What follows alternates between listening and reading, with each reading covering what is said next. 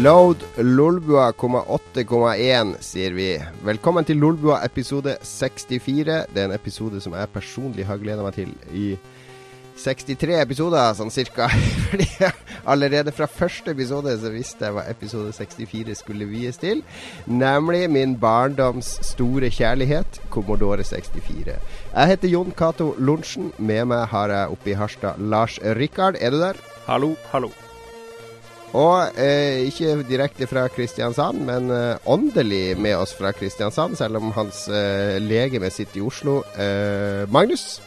Eh, ja, hvis jeg forsto det riktig, så, eh, så kan jeg svare bekreftende. Jeg prøver å illustrere at det er fra Harstad til Kristiansand er at vi strekker oss fra nord til sør, ikke sant? Ja, riktig, riktig. Det er ikke noe mye verdt å snakke om nord for Harstad, er det det, Lars? Eh, jo da, herregud. Du har jo masse spennende nord for Harstad. Det vil jeg si. Det er kanskje det. det, er kanskje det. okay. Vi har via sendinga i dag selvfølgelig til Commodore 64 ettersom det er episode 64. Og eh, det er jo eh, en meget, meget eh, kjær eh, maskin for mange, i hvert fall på min alder. Dere er jo kanskje litt for unge til å ha opplevd eh, høytida til Commodore 64, eller? Nei, det vil jeg ikke si. Uh, jeg vet ikke når jeg fikk den. Jeg var sånn ti år gammel, kanskje. Jeg vet ikke når det var jeg fikk den. Jeg fikk den sikkert da jeg var sånn åtte, ni, ti, ja, noe sånt. I 85-86. Jeg vet ikke når den ble veldig populær i Norge, den der maskinen, egentlig. Ja, ja jeg, jeg fikk den uh, i 83, tror jeg. Så, da var det Det var liksom rett før det tok helt av. Da, da var det litt sånn både og med hva som var tilgjengelig av spill. Mye konverteringer og sånn. Men, eh, men du Magnus er jo altfor ung. Du kom jo rett inn på Amiga, eller? Nei, overhodet ikke. Jeg har aldri hatt Amiga engang. Um, min far har alltid vært veldig sånn eh, teknologisk interessert, så um, uh, Min storebror fikk en ZX Spektrum allerede veldig tidlig på 80-tallet. Oi, var på den, du var på den mørke sida! Ja, ja, men og, og så husker jeg godt da vi var ute for å kjøpe en Commodore 64 til min storebror, som vi spilte masse på. Det var sikkert i 84, vil jeg tro. Før jeg et par Ja. år seinere fikk min egen uh, 64C, som han heter. Den Nu-Commodoren. Ja, nei, jeg prøvde vilt å huske når jeg fikk eh, Commodore 64, men klarer ikke å huske det, altså. Det, jeg må spørre om mamma. Det her er jo viktig historie som må dokumenteres, egentlig. Men jeg husker de første spillene jeg fikk. Eh, det første var da du fløy bortover skjermen og skulle slippe ned sånne bomber og bomme sånne fuel dumps. Du kunne liksom slippe bomben ned, og så kunne du skyte eh, mot høyre bortover på skjermen. Ja, det høres ut som Scramble. Ja, det må ha vært noe sånn scramble-aktige greier. Hmm. Jeg prøvde å Men vi skal snakke mer om det her i, i temaet. La oss eh, Ja. ta vår sedvanlige intro. For jeg hører Magnus har begynt å samle på dyredeler. Uh, nei, det, det er ikke sant.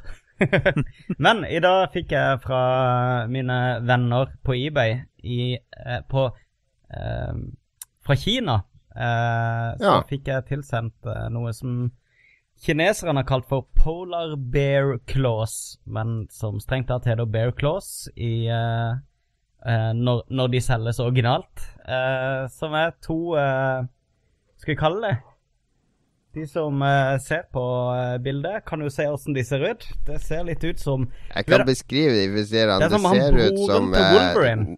broren til Ja, det, Wolverine. det ser ut som noe du skal ha på deg på Desicon når du skal cosplaye som Wolverine eh, i år, Magnus. Jeg, jeg tror det, Er det ikke broren til Wolverine? Har ikke han sånn korte klør?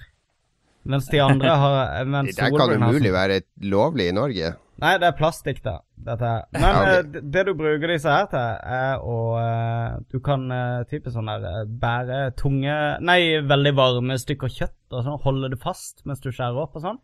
Men de er først og fremst for å lage pulled pork, som jeg nylig har uh, skaffa meg en fascinasjon for. Så den er egentlig til å rive opp kjøtt med.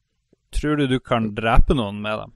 Jeg er ganske sikker på at jeg kan drepe noen mer, faktisk. Uh, det Så du har kjøpt deg to Det ser ut som slåsshansker for de som hører på, med klør utpå. Så du har kjøpt deg to sånne for å rive opp svin... Kan, er det ikke noe som en kjøttkvern gjør like greit? Nei, eh, du river det opp sånn at du, du, du flerrer det opp. Ah, Du har spist pulled pork, har du ikke det? Eh, ja, eller som jeg bruker å kalle det, strimla svinekjøtt. Ja, Men det er ikke det samme som strimla eh, svinekjøtt. jeg, jeg, be, jeg ber om at en kokk skal sende oss en mail og forklare hvorfor strimla svinekjøtt ikke er en heldekkende be, betegnelse på pulled pork. Ok, men da ber vi en, eh, en kokk om å sende inn sin uh, Han skal være på Hellstrøm-nivå, han kokken. Ja, og så- han skal ha Han skal også være på doktorgradnivå når det kommer til norsk og engelsk. For det er strengt tatt der vi trenger han, er det ikke det? Jeg syns òg det er pulled pork, eller alt som er pulled, det høres veldig rart ut. Men er ikke pulled det når det kjøttet er ganske mørkt, og så kan du liksom dra det litt fra hverandre med Ja, ja. gaffelen din? Sånn at du ser liksom fibrene bare når du, når du da legger det i barbecue-saus og sånne ting, så suger det det opp, og det blir veldig Er det- sånn, sånn grødete, da. Ja. Er det bare pork man kan pulle? Kan man ikke Nei, ha pulled chicken eller pulled jo, jo. fish? Jo, jo. Uh, du kan uh, Ja, ikke, ikke fisk. Fisk har jeg ikke prøvd, i hvert fall. Men det er i alle typer kjøtt, egentlig, kan du gjøre det med. Bare du Og jeg har jo den der sous vide-greia. Kan du har pulled pølse? Pulled pølse kan du ha. Fra pølsedyret, tenker du på da? Vi samtala jo om det her tidligere på en chat, og da sa jeg jo at jeg hadde pulled eh, den lasagnen jeg spiste i dag. Den Ja, var veldig riktig. pullbar. Uh, og ikke nok med det, du kan også ha pulled leg, hvis noen eh, er litt eh, artig i formen.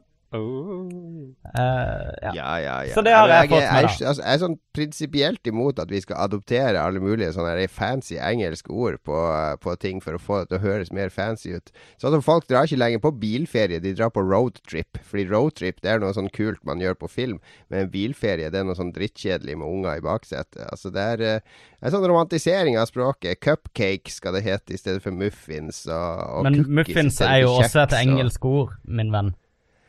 Jo, jo, det er mer etablert, men eh, cookie i stedet for kjeks, det, er helt meningsløst. Det Det er er, som, bare for eh, at det skal høres fint og kontinentalt ut. Det er som den skatefilmen med Christian Slater på 80-tallet. Den er 'Gleaming the Cube'. Den ble jo oversatt til 'Skate or Die'. tube.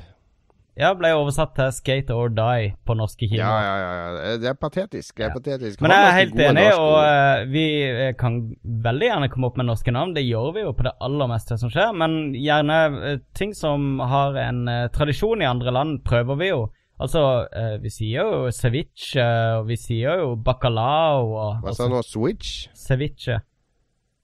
Oi, hva er det for noe? Ja. Nei, sånn eh, Er det ikke det det heter? Eh, ja, Majones, sier vi òg. Det er fransk. Sånn lime-marinert fisk som er liksom sånn ceviche.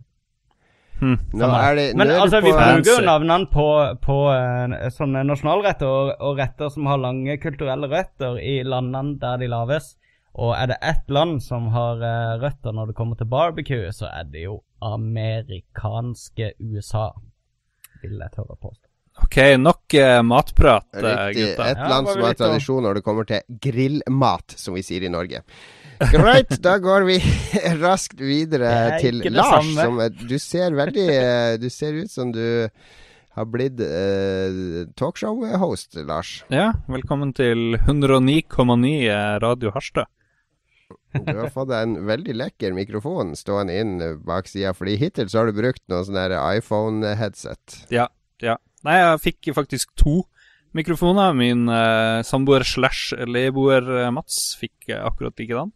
Så når vi skal lage våre fremtidige Let's Plays, så blir det også mye bedre lyd der. Så det her gleder jeg meg veldig til å teste. Og så fant jeg en eh, nettartikkel hvor det sto hvordan man fikk enda bedre lyd etter at du har gjort opptaket. Du kan liksom manipulere hertz og, og ditt og datt og desibel og få deg til å høres ut som han eh, James Earl Jones. Jeg har tenkt å ta det til ekstreme høyder og, og plage, plage lytterne med en stemme jeg egentlig ikke har.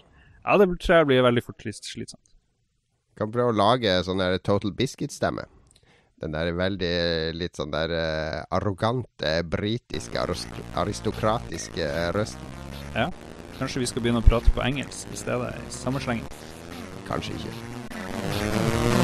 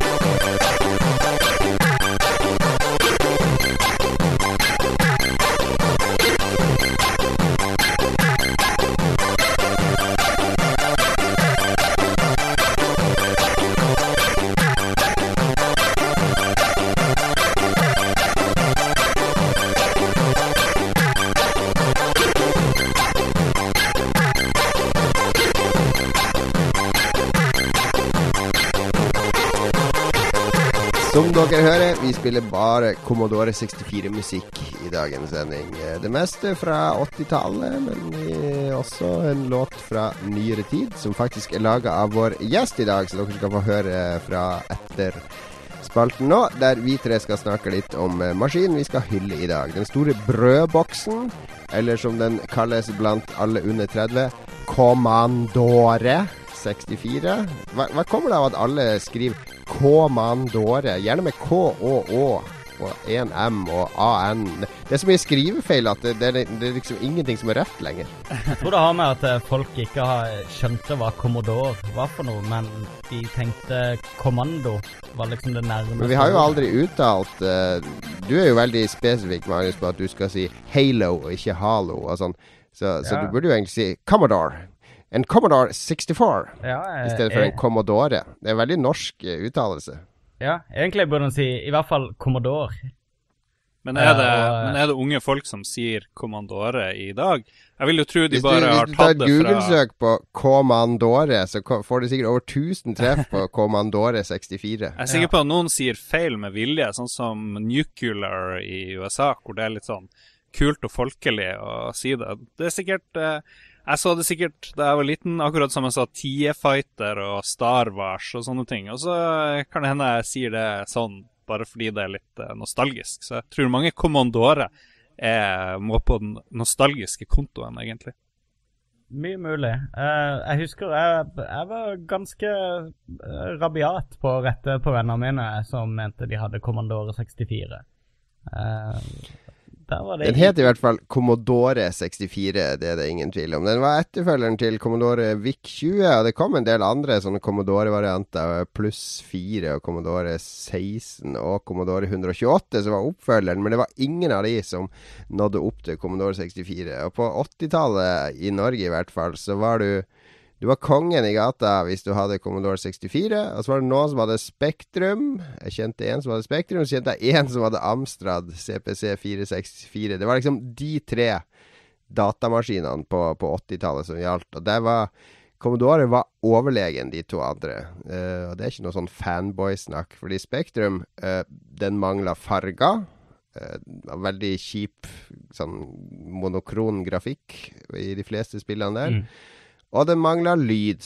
Og Amstrad hadde for så vidt like bra grafikk omtrent, men den også mangla lydchipen. Det var den som liksom var prikken over i-en i Commodore 64.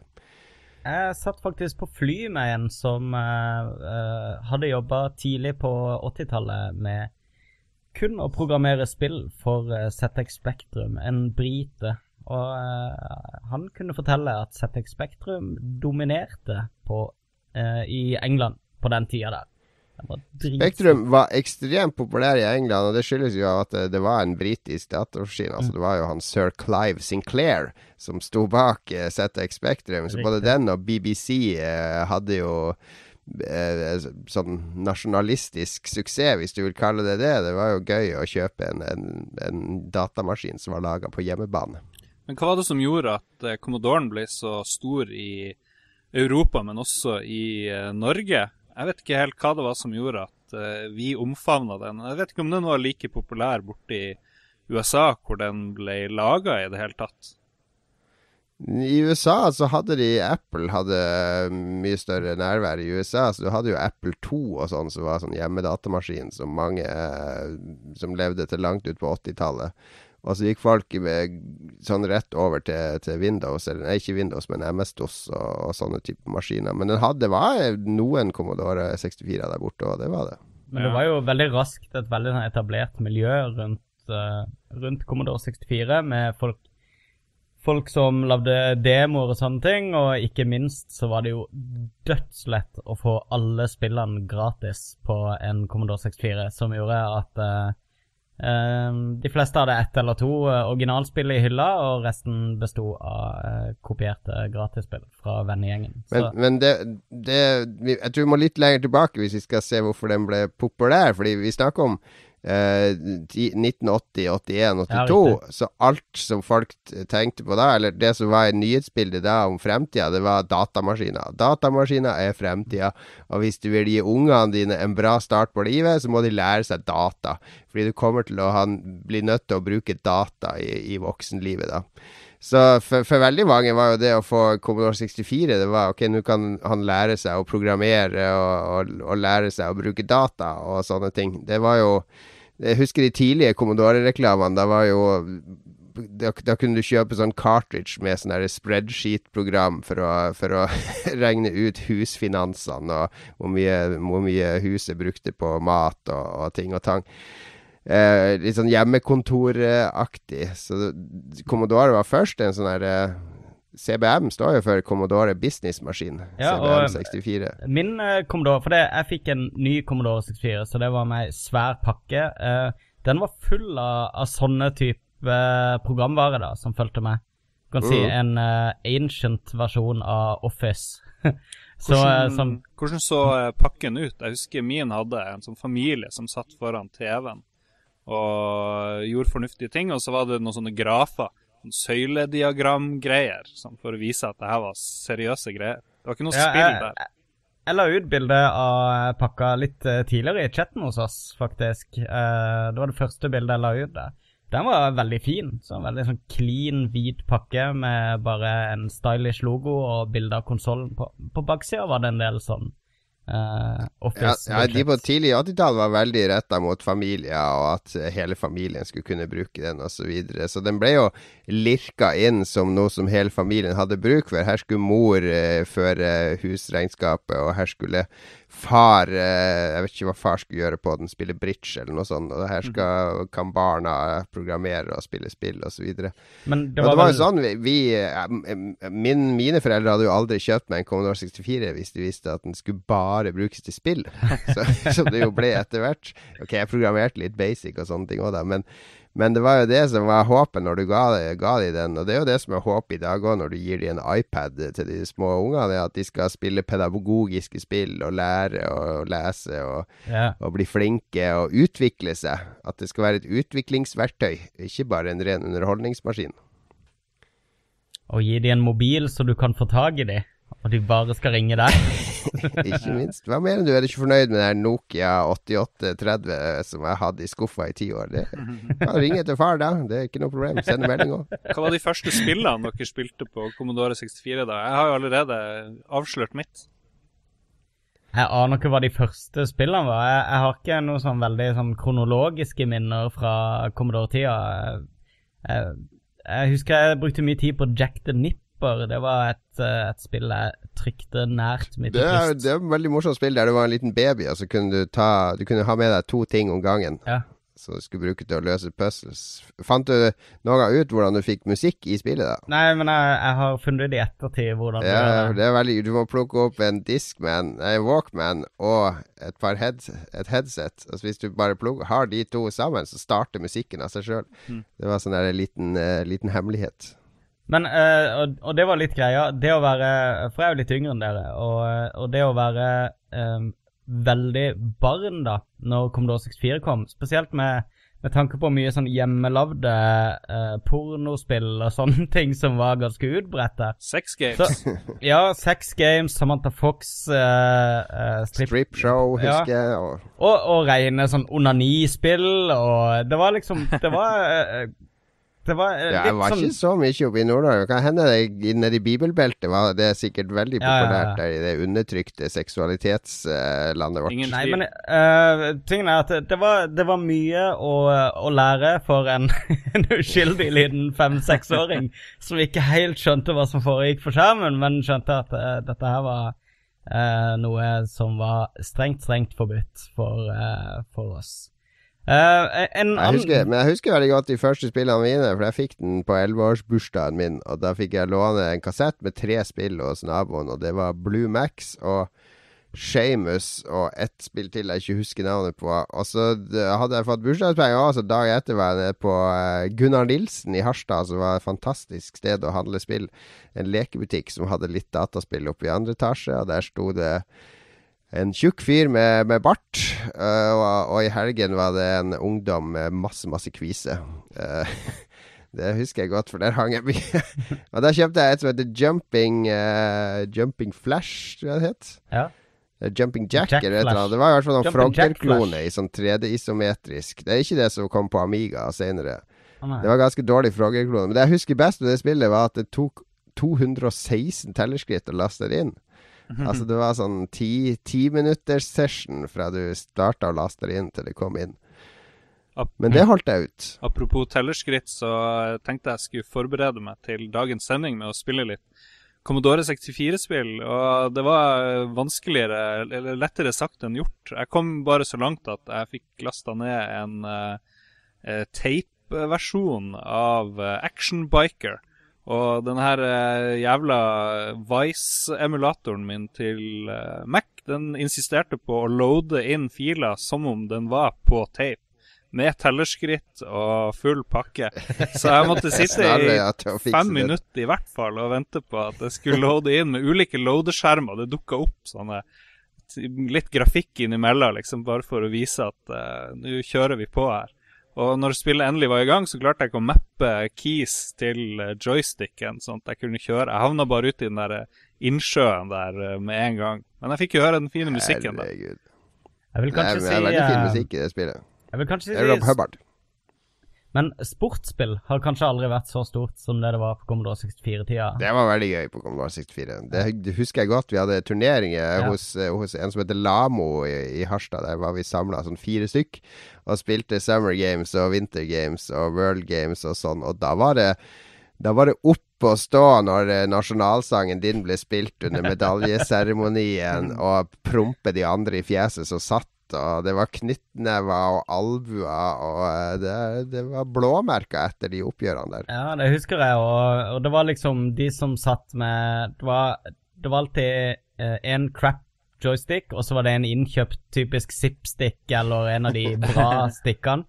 Uh, og da var alltid krangelen om å ha den gode joysticken når det var din tur til å kappe typiske hurdles og sånne ting, de der greiene som var utrolig utmanende i lengden av spillet. Det var det, det, ja. Noe av det gøy med Commodore 64 òg, var jo at det var jo etter hvert, når flere fikk det, så ble det jo ganske lett å få tak i spill. For man fant jo eh, metoder når man var ung. eh, Den, den store drømmen å ha hjemme, det var jo den der doble kassettspilleren.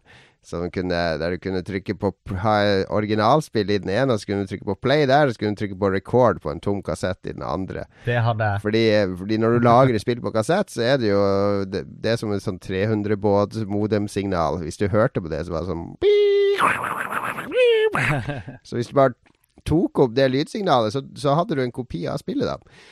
Så, så min venn Lamo han hadde en sånn hjemme, og der var vi og, og kopierte det aller, aller, aller meste spredde ut til hverandre. Og det var jeg, jeg husker ikke om de gjorde det på Radio Finn, men jeg hørte rykter om at det var nærradioer rundt om i Norge som hadde sånn program sent på kvelden for Commodore 64-fans, der de Ok, og nå kan du ta opp eh, eh, Impossible Mission uh, de neste tre minuttene. Det var stykke på record nå, og så ble det sånn stille i noen sekunder. og Så kom det Det var jo en- veldig bra radioantenne da for å ta opp de spillene. Det var jo en egen radiokanal i Danmark som gikk eh, døgnet rundt og, og spilte Commodore 64-spill, som du kunne bare eh, sette på record når du følte på. Eh, det var, men Utrolig. dette her med at For For jeg hadde sånn dobbel kassettspiller, og det var jo veldig spennende en stund. Helt frem til vi fikk eh, eh, diskettstasjoner, da. Og ting Ja, loada ja, litt det, var, kjappere. det var jo en revolusjon. ja. Men, men la oss ikke forlate kassettspillet ennå, Fordi Nei, ok. problemet ble jo at når du begynte med de opptakene, var jo at ofte så matcha ikke det, det, det, det båndet. Det var jo et lydbånd, ikke sant? Så den striper stripe på det båndet der de har lagra den dataen. Og når du tok opp, så kunne det hende at den skrev den stripa litt lavere enn lydhodet i kassettspilleren din var stilt inn. Så da måtte du fram med skrujern på kassettspilleren og begynne å justere lydhodet opp og ned, helt til han faktisk klarte å finne spillet. Så må du krysse fingrene og be til alle Commodore-gudene om at om at han skulle holde helt til det var lasta inn. Og så hendte og så hendte det jo at du lasta inn i tre minutter, og så kom det bare sånn errorskjerm. Så bare tilbake, spole tilbake, justere lydhodet en halv millimeter til, og så prøve på nytt. Og så kan man holde på en hel dag. Og det var sånn overtro der òg. Husker vår venn eh, Øyvind, som er fast lytter av Lolbua. Jeg tror han hører på nå. Hei, Øyvind. Hallo. Der var det mange ritualer. Der var det å plassere en stol, et stolbein oppå som pressa kassetten ned. Og så måtte man trykke på play. Og så med en gang måtte alle gå ut av rommet! Det måtte ikke være ingen i rommet. Det måtte ikke være lyd eller en vibrasjon i rommet. Og det var, det var, det var rene sånne eh, religiøse ritualer for å få lasta inn de spillene til tider. Uh, ja, jeg husker jo veldig godt uh, tida før vi oppdaga den eh, eh, telleren på Den der tellerskritt-telleren på, eh, på kassettspilleren, og vi bare Vi starta spillet vi skulle spille, og så begynte det å loade, og da kunne vi gjerne sitte og vente i en sånn 25 minutter før, eh, før kassetten hadde kommet til det spillet vi faktisk hadde starta, og han begynte å loade. Så eh, det husker jeg var en veldig revelation for vår vennegjeng, når vi sånn Ah, vi kan begynne å skrive ned. Må huske å nullstille og Ja, ja. Jeg husker det var jo en gledens dag da jeg fikk eh, diskettstasjon. Jeg vet ikke helt hvorfor jeg fikk det, men jeg hadde veldig snille foreldre. De ga meg diskettstasjon og printer og Ja, fordi det kunne utvikle deg, vet du. Det var mye lære. Det var fremtida, vet Ja. Men det der med diskettstasjon, det var jo som å gå ti år frem i tid på én dag, ikke sant? Du kunne jo Ja, det var en revolusjon. Det var en genuin revolusjon. Fordi eh, ja, Hvis vi skal litt mer om kassett, Fordi vi må ikke glemme turbotape. Og det var jo også noe som re kom som en revolusjon. For jeg husker tida før og etter turbotape. Ja, ja, Det var sånn Vi måtte ha lange kassetter, så var det plass til to-tre spill på hver side. Så kom TurboTave som bare korta ned spill og ladetida ned fra 200 tellerskritt til 20. Og det, Da var det sånn at du lasta inn turbotape først, det var et ganske lite program. Og så var det spole frem til hvor på kassetten de forskjellige spillene lå. Da måtte man ha skikkelig arkiv med å notere ned tellerskritt og alt mulig. Et annet sånn mellomledd var også de cartridgene du fikk eh, til Commodore Ja, de var, de var lysskye. Jeg hadde uh, The Final Cartridge 3, blant annet, som, Oh, yeah. Eh, som gjorde det mulig å eh, drive med masse lyssky virksomhet på, på min Commodore 64. eh, men jeg hadde også et rent uh, ishockeyspill som ble gitt ut på cartridge.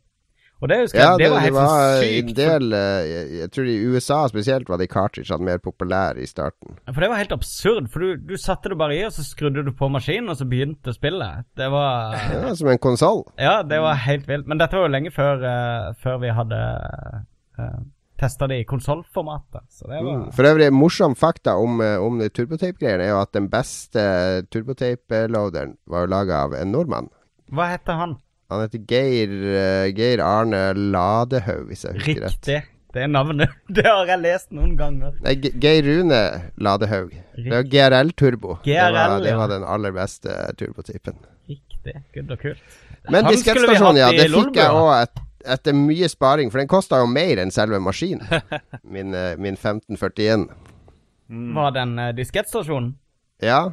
Ja, det var kostbare greier. Uh, men den, ja, altså det var jo uh, Commodore 64 2.0. Da, da begynte jo ting virkelig å eksplodere på I hvert fall på distribusjonssida. Da begynte jo For det, den swappinga begynte jo for fullt også da med diskettene. Det var mye billigere å sende porto. Ja, og, klart.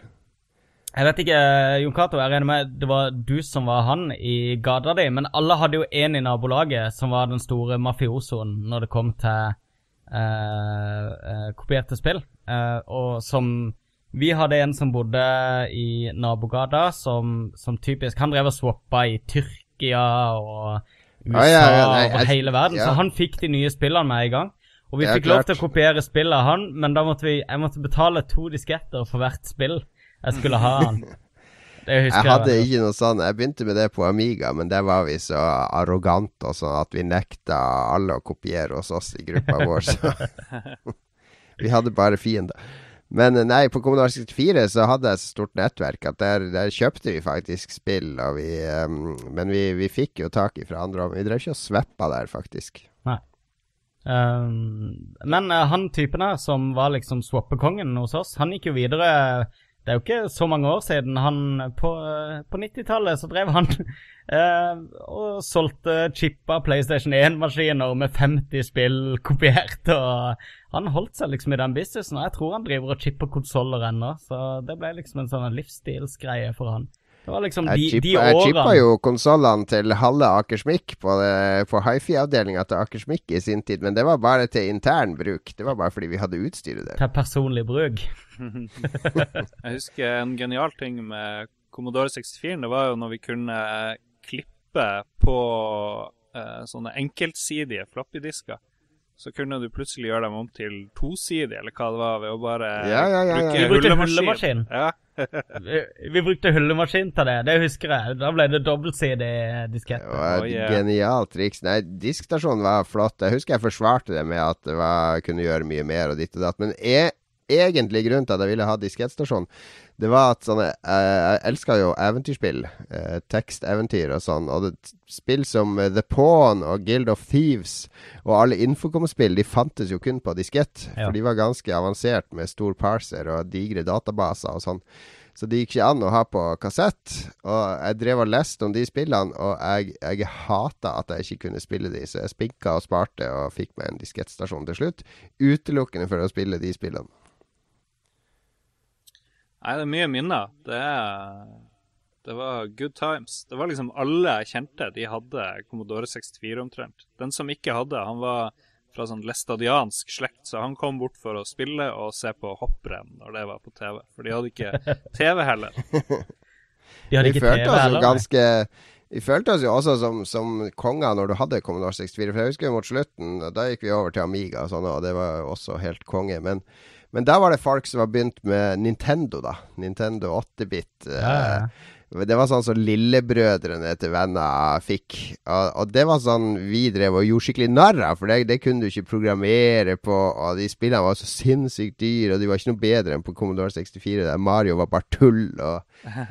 Det, det var litt sånn der eh, det, var sånn trussel. Vi ville ikke innrømme det, da. Vi bare avfeide det som sånn barnslig maskin. Det husker jeg vi satt ute hos vår venn Frank, som har vært gjest før. Eh, og hans lillebror eh, Terje, han hadde jo en nes, da.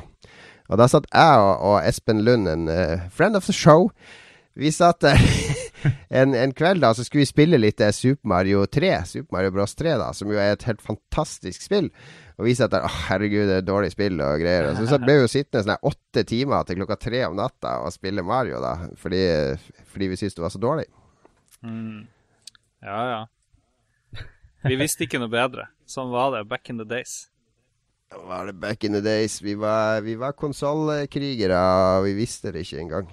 Mm. For min del så, så gikk jeg direkte fra Altså, når jeg var ferdig med Commodore 64, så kompisene mine fikk jo eh, Amiga og sånn. Og, og det gjorde aldri jeg. Og jeg husker jeg var veldig misunnelig på det, for grafikken var jo betraktelig bedre, og lyden var mye bedre, og alt dette her på eh, Amiga-konsoll Eller, ja, de ble jo brukt som konsoller, selv om det var mye mer. Eh, men da fikk pappa hjemmekontor, så da fikk jeg tilgang på PC. Så da var jeg var egentlig ganske tidlig over der og spilte de første Sierra tekstadventurene og Eller de grafikk-adventuresene og sånne ting på slutten av Ja, ja, ja. Med EGA-grafikk. Ja, og jeg blei i Jeg blei på PC frem til PlayStation 1, faktisk. Så jeg skippa alle konsoller opp der til. Så det er sånne ting jeg har plukka opp i ettertid. Ja, ja. Nei, Amiga det må vi spare til episode 512, for den hadde vel 512 kom inne. Så da, vi tar den eh, om eh, 460 episoder Sikkert. Ja, vi gjør det. Om ti Vi, år eh, en siste ting om Commodore 64 før vi skal eh, over til eh, Vi har en gjest eh, som jeg snakka med i går etter eh, min og Magnus sin eh, spillquiz. Han heter Stein Pedersen. Han er faktisk eldre enn meg, tro det eller ei, så han fikk Commodore 64 i 82 til konfirmasjonen sin. Han brukte konfirmasjonspengene sine på Commodore 64. Eh, han, uh, han var uh, Han cracka spill. Han er utrolig dyktig å programmere på Commodore 64, og han, han programmerer fortsatt på Commodore 64. Han vant demoparty med crewet sitt i 2010, kom på tredjeplass i, i fjor. Her snakker vi om verdensmesterskap i Commodore 64-demogreier, ikke noe sånn lite norgesmesterskap. Han skal vi ha en 20 minutters samtale med etterpå, men før vi gir oss, så må vi ikke glemme noe som var essensielt på Commodore 64, og det var lydchipen. Det var musikken. Mm. Ja, absolutt. Eh, den, hadde jo den, den SID-chipen, SID het, het den lydchipen, ble jo etter hvert legendarisk. Fordi du hadde musikkskapere som, som uh, Rob Hubbard og Martin Galway og Fred Gray og Ben Daglish og, og folk som tyna de mest fantastiske toner ut av den. Den hadde tre kanaler og, og ganske mye du kunne gjøre med den lydchipen. Og eh, jeg husker bladet Zepp64. De hadde jo lista over de 30 eh, kuleste spillene stemt fram av leserne, og de ti kuleste spill-soundtrackene stemt fram av, av leserne. Og sånn hadde du ikke, verken på Nes eller, eller Amstrad eller Spektrum eller noe sånt. Og den lyden har jo levd videre i dag. Den har jo inspirert Røyksopp, har laga lyder, eh, musikk med Commodore 64, eller SID-lyder. Uh, han uh, Timbaland har lekt seg mye med Commodore 64-lyder. Det dukker opp overalt. Det er gitt ut uh, synter som emulerer chip-lyden. Og hele chip-musikkscenen i dag har jo veldig dype røtter tilbake til, til SID-chipen. Har, har, dere noen gode Commodore 64-musikkminner? Jeg ba jo før vi starta sendinga at vi burde få litt Ocean Loader som intro. Ja, den har vi hørt på allerede. Den har vi hørt på. ja, vi legger på musikken etterpå. Men uh, nei, det, husker, det, er så mye Det var så mye musikk. Det var Ved siden av å høre på sånne Guns N' Roses-greier og dårlig tysk uh, heavy metal, så var det jo Amigaen jeg hørte musikk på. Så man kunne jo gjerne sette i gang et spill og så bare la det uh, stå på.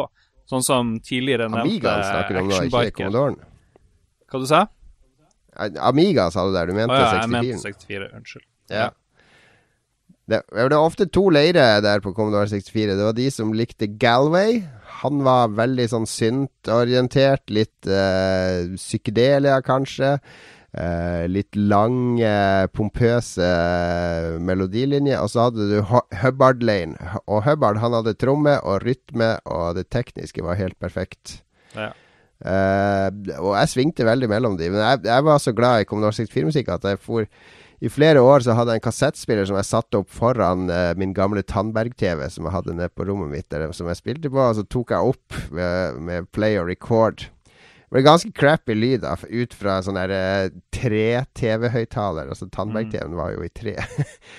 og, og, og inn i en kassettspiller. Men så lærte noen meg at jeg kunne lage en sånn ledning, altså hotwire inn i, i, en av de portene til Commodore 64 og ut til en fonoplugg. For det kom lyd ut via de to. Og da kunne jeg koble fonopluggen rett til en uh, kassettspiller, og da tok jeg opp direkte fra uh, Commodore 64-lydskipen. Så jeg hadde masse bånd med Galway Collection og Hubbard Collection og sånn som jeg hørte på i bilen uh, når vi kjørte bil og hadde på Walkman min og sånne ting. Yes. Apropos eh, musikk og sånt, så bare mens jeg husker det, så lasta jeg ned et helt tilfeldig. Jeg søkte på Commodore 64 på eh, eh, iTunes uh, spill apps-storen på telefonen min. Og Der var det noe som het GG Radio, og den er litt morsom. Det er en vekkerklokke med radio, da, og alle radiokanalene er sånne spillradiokanaler. Og så er det chat inni den appen òg. Så uansett om du logger inn eller ikke, så kan du chatte med folk som, eh, som er på samme greia. Så den er ganske fantastisk. Den er litt bugga og er ikke sånn 100% men utrolig sjarmerende. Så GG Radio, den er et must. Anbefales av Lars. Det er Gamergate uh, Radio. Gamergate Radio er det første jeg har tenkt på. ja, det har ikke jeg tenkt på. Fuck. Jeg er en del av Gamergate. Oh no. Ok, da skal vi få en virkelig ekspert inn på banen. Vi skal snakke litt med Stein Pedersen, som skal snakke litt om hvordan det var å kode på Commodore 64 på 80-tallet. Første gang han cracka et spill og putta navnet sitt på tittelskjermen til spillet. Og uh, hvordan Commodore 64-scenen er i dag, og hva som er fascinasjonen med å fortsatt holde på med Commodore 64 i dag eh, over 30 år etter maskinen kom. Her er Stein. Are you keeping up with the Commodore? Cause the Commodore is keeping up with you. The world's number one selling home computer is now in a family pack, the Commodore 64, plus data cassette and joystick, four software programs including Introduction to Basic, a teach yourself program for the whole family. The Commodore 64 Family Pack, a value of $700 for just $499. Are you keeping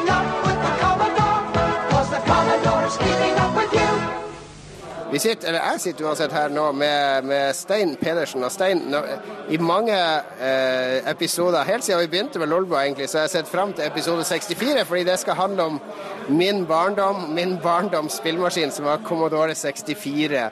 Altså jeg tenkte, Hva skal vi gjøre i det programmet? Og så etter hvert så har jeg kommet fram til at da må vi ha med Stein. Fordi Stein, du er fast deltaker på quizen vår, og du har koda på Commodore 64. Hvor mange år har du koda demoer på Commodore 64 nå?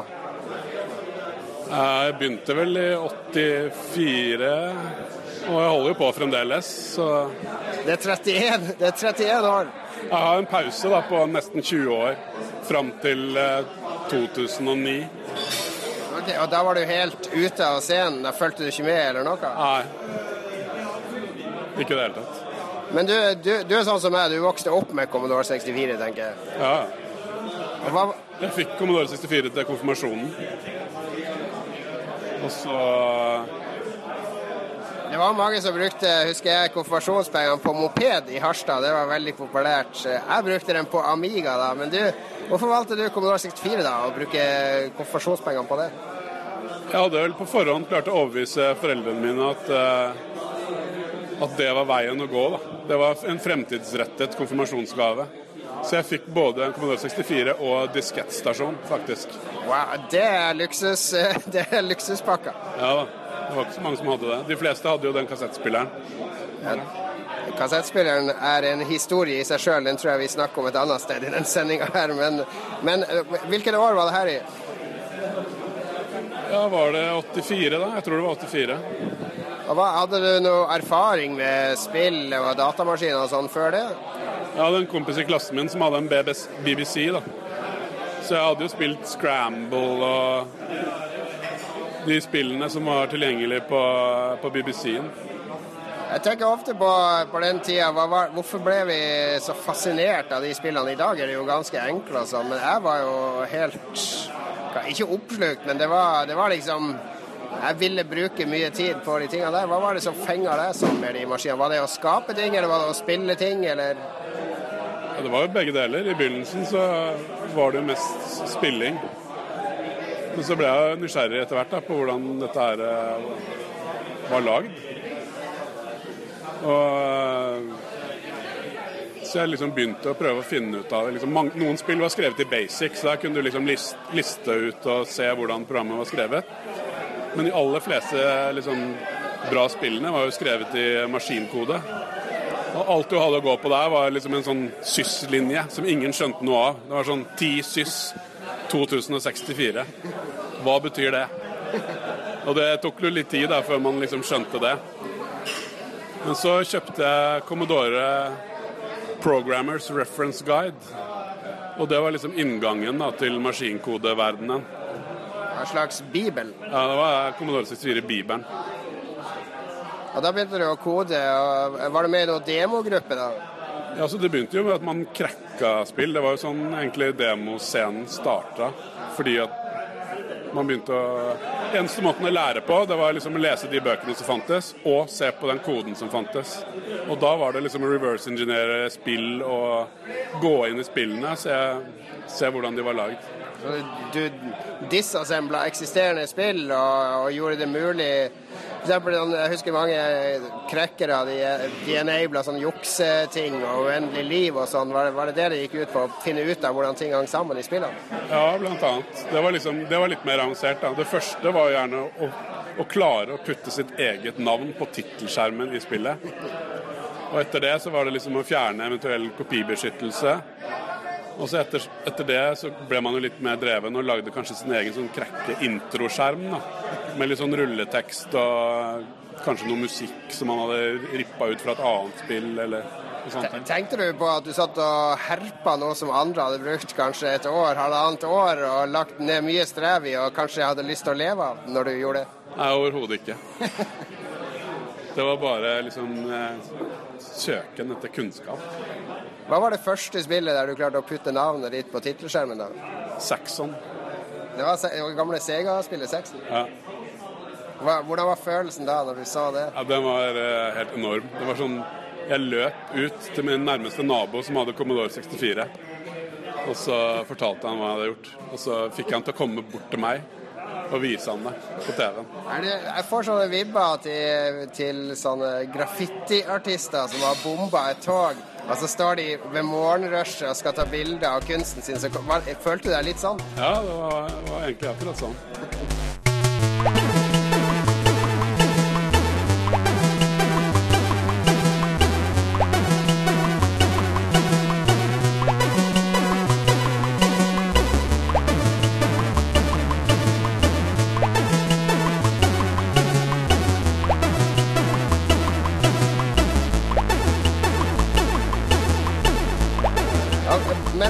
De var jo med i gruppa. sånn. Var du med i gruppe? Hadde du handle og hele den pakka der?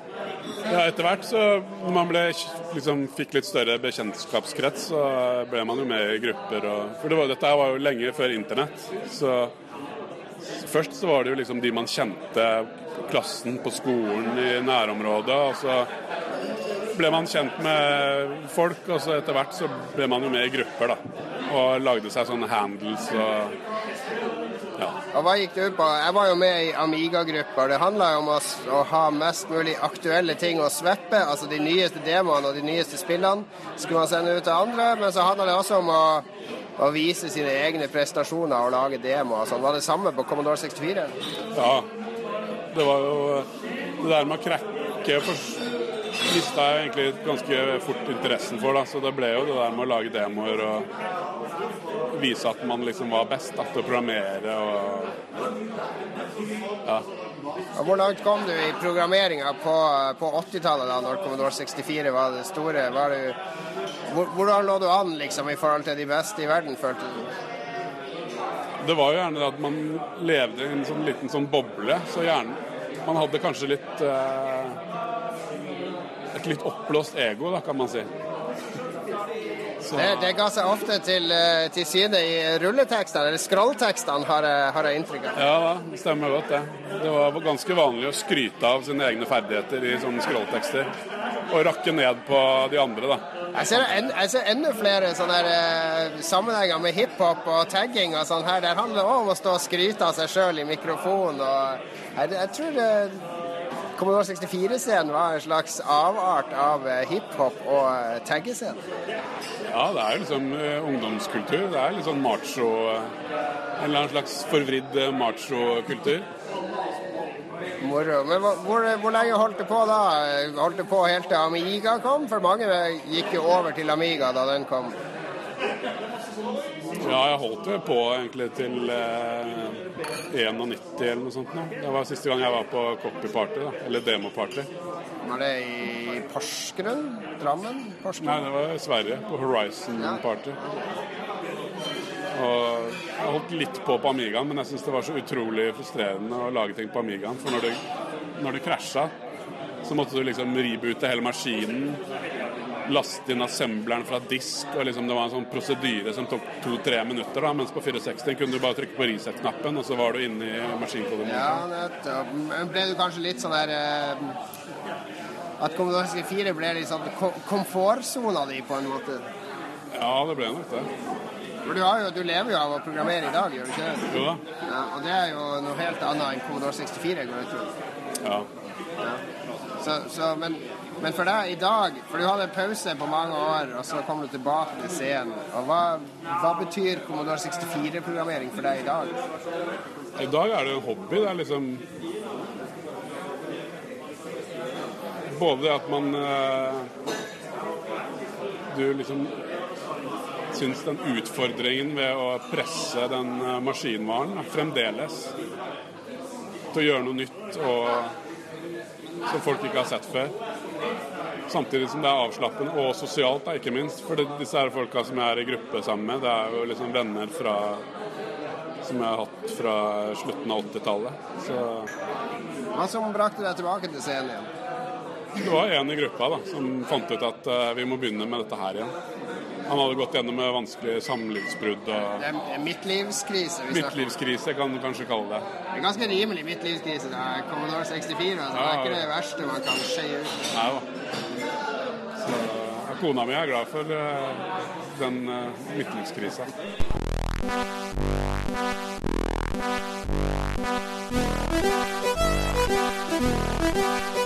Hvordan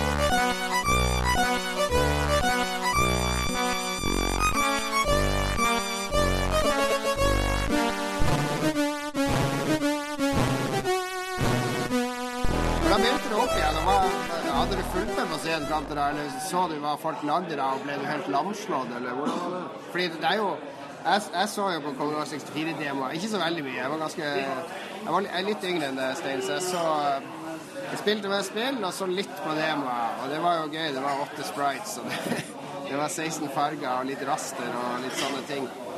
Altså, Jeg var mest aktiv på Amiga, men så når jeg så på Commodore 64-temaet sånn ut på 2000-tallet, så bare hva, Hvordan i all verden har de fått til det her? Altså, det, Var det sånn for deg òg, eller hadde du hatt et halvt øye med det hele tida? Ja, nei, jeg hadde jo ikke fulgt med i det hele tatt, så jeg ble jo helt uh, Jeg ble jo helt blown away når jeg så hva folk hadde lagd liksom, i de årene de ikke hadde vært med. Så det var også en inspirasjon da, for å komme tilbake. Liksom, hva kan man få til nå med Spesielt når du kan lage dine egne verktøy på PC og gjøre all sånn number crunching og alt sånn masse preprosessering og til ting som ikke hadde vært mulig å få til bare på Commodore 64. Ja, nettopp. nettopp. Hvor lang tid tok det å komme seg inn i det? Fordi dere Du har jo vært med på, på demoparty, så dere har jo vært oppe i topp tre. Dere vant kanskje for ikke så lenge siden òg? Ja, så Det første store demopartiet vi var eh, et, på etter vi kom tilbake, det var jo X 2010, og da vant vi. Så det var jo utrolig stort. da. Hvor lang tid tok det deg å komme opp på det nivået at du kunne konkurrere med dagens Commodore 64-kodere? Var det mye og nytt å sette seg inn i, eller var det bare tviking av det du kunne fra før? Nei, altså, jeg huska jo alt, eh, alt fra før. Sånn, eh, men sånn teknisk så var kanskje ikke den demoen vi vant med da, så veldig sånn Den var ikke state of the art, men den var på en måte litt sånn fresh da, i forhold til det der litt sånn PC-preget som eh, Commodore 64-demoer hadde fått etter hvert, med sånn trackmo og dunk-dunk-musikk og litt sånn PC PC-lignende demoeffekter. da. Mens vi hadde ganske fokus på mer sånn old school eh, Commodore 64-feeling.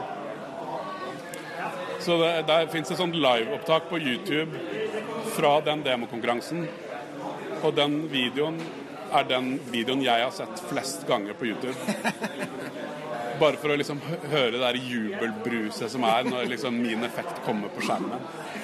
Morsomt. Jeg får helt sånn gåsehud. Ja, det skjønner jeg godt. Men det er jo det er veldig morsomt å se. det. Hvordan vil du beskrive de som er i den scenen nå? For jeg går ut fra det er sånn at alle kjenner alle, enten dere er i Nederland eller Sverige eller eh, hvor de kommer ifra. Det er jo den samme gjengen som samles år etter år. Ja, det er veldig mange av de samme. Det, Er, er alle på din alder, eller er det, unge, er det unge som har kommet til, eller er det, er det folk som har vokst opp med Kommunal 64, hele gjengen? det er begge deler. Det er ganske høy gjennomsnittsalder, men det er jo folk der som er liksom i tidlig 20-årene. Så det er liksom fra tidlig 20-årene opp til eh, 45-50 år, liksom. Men det er jo stor overvekt av de som er på min alder, da. Ja. Men det er, det, er, det er sånn jovialt miljø, eller er det hard konkurranse? Det er begge deler. Man er liksom både kompiser samtidig som det konkurranseinstinktet er veldig, veldig til stede. Det er sånn Det siste X-party som var nå i høst, der hadde liksom den største gruppa fra Tyskland og en av de største gruppene fra Sverige da, hadde slått seg sammen for å liksom for å vinne konkurransen. Høres ut som en axis of evil. Ja, litt. Det er, altså, I spilljournalistmiljøet skal vi ikke snakke for høyt, men der er liksom eh, svenskene og tyskerne de er, de, de, de er litt lavt på rangstigen blant de andre. Ja, nei, det er jo stort å slå svenskene. Så vi vant jo Vi var på demoparty i fjor i Gøteborg i fjor eh, vinter. I ja, Datastorm 2014, og da vant vi Da slo vi alle svenskene. Det, var, det er alltid gøy. Men du har alltid holdt på med demo. Du vurderte aldri å begynne å lage spill på Commodore 64, eller gjorde du det òg? Jo da. Jeg lagde litt sånn småspill som egentlig aldri ble så veldig mye av. Men så Det ble jo samtidig inngangen min da, til eh, det profesjonelle, eller yrkeslivet. For sånn som ja, meg og veldig mange andre på Funcom liksom 1994 kom jo nettopp fra demoscenen. Jeg er sikker på over, I 1994 så var godt over halvparten av alle Funcomerne kom fra demoscenen. Enten på Commodore 64 eller Amiga. Og nå driver jeg, har jeg også et par sånne spillprosjekter sånn, som jeg driver på med på hobbybasis. da. Får vi se. Men du, du liker best å lage demo. Er det det med at da har du full kontroll over hva som skal skje? Fordi spill har jo den der dumme faktoren med at det skal komme noen inn og fucke opp alt du har laga. Nei, det er liksom den tekniske utfordringen som jeg liker. Men akkurat nå syns jeg faktisk det er gøyest å holde på med spill, og samtidig som jeg har en sånn eh, tracker da, som jeg har lagd, som vi som jeg liksom videreutvikler. Altså vi lager musikk da, til eh, Commodore 64, til demoer. Og, Ja, kult. Fordi jeg ser at du, du er kreditert ofte for både grafikk og koding og musikk. ja, ikke så mye grafikk i det siste, men eh, sånn i begynnelsen så var det jo sånn at man måtte gjøre alt selv. Du har, hvilke av de tre grenene trives du best med? Koding og musikk, begge deler egentlig.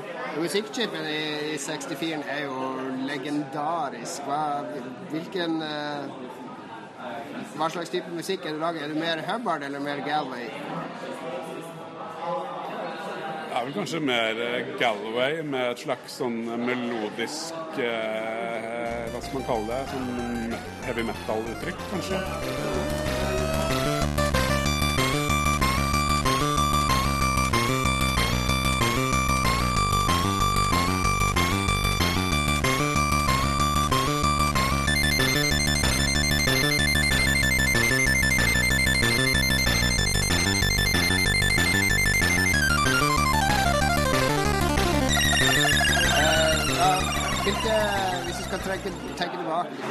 1984, altså 80-tallet igjen, hva var dine favorittspill på maskinen på den tiden? Jumpman. Det første? Ja, både Jumpman og Jumpman Junior har jeg runda 18 ganger. En uh, musikk, da? Favorittmusikkstykke? Ja, det blir vanskelig. Det er liksom Martin Galway, Fred Gray, Rob Hubbard, Jeroen Tell. Det er liksom de fire store, da, spør du meg. Ikke Daglish? Ikke plass til Daglish? Ikke like mye, syns jeg. Hvilke, hvilke grenser er det dere driver og, og presser nå på Commodore 64? Altså, hva, hva er det neste som skal sprenge? Er det noe mer som kan sprenges på den maskinen? Er det noe mer som kan presteres, som kan få folk til å si wow, det trodde jeg ikke var mulig, eller er alt gjort nå? Man sier kanskje at eh, alt er gjort, men i fjor så kom det jo en ny eh, måte å spille 8-bits samples på på Commodore 64. Liksom 16 kHz, eller hva det var for noe. Playback rate, som man eh, Så det er liksom stadig nye ting. Både på lyd- og grafikksiden. da. Jeg snakka litt om den komfortsona jeg nevnte sist. Er det sånn eh, Det merker jeg ofte i spill òg, at f.eks. På, på DS eller Gameboy så er det mange spill jeg liker veldig godt. For jeg tror at når de har laga de spillene, så har de hatt så stramme rammer rundt hva de kan lage, at de kan bruke mer tid på å gjøre gjøre ting veldig bra innenfor gitte rammer, i stedet for sånn som på PC, så vet du at du kan bare legge til nye lag med ting. Du kan legge til mer grafikk, mer eh, effekter. Det er, aldri noen sånn øverste grense for hvor mye du kan gjøre, mens det er veldig klare grenser. Er, tror du det er mye av sjarmen, er at disse rammene er så satt? Ja, helt klart. Jeg det, det er liksom hoved... Det er jo hovedgrunnen til at man fremdeles gidder å holde på med det der. Det er likt for alle. Det finnes ikke noe eh, Commodore 67 eller 8 eller med ekstra minne eller Det er liksom Commodore 64. 64 K ram. That's it. Ja, blir, blir det da Vil du si det da blir litt mer sånn kunstneriske demoer? For jeg har sett mange av de demoene har veldig sånn fine visuelle ideer, og, og, og det er ikke bare sånn teknisk jokking som det ofte er på PC-demoer, der man bare skal vise hvem som kan få til mest. Ja, folk har jo gjerne forskjellig fokus, da. Det spørs jo Noen grupper er liksom kjent for sine tekniske bravader, da, mens andre er kanskje er mer kjent for eh, å lage en slags kunstnerisk eh, Sånn som oss, da. Vi er ikke, vi er ikke liksom kjent for å være de eh, De som har de beste, mest imponerende tekniske demoene, men samtidig så har vi liksom, ideer som, appellerer til folk, da, tydeligvis. Veldig bra. Hvor lenge skal du holde på med Commodore 64, Stein? Ikke at jeg dauer.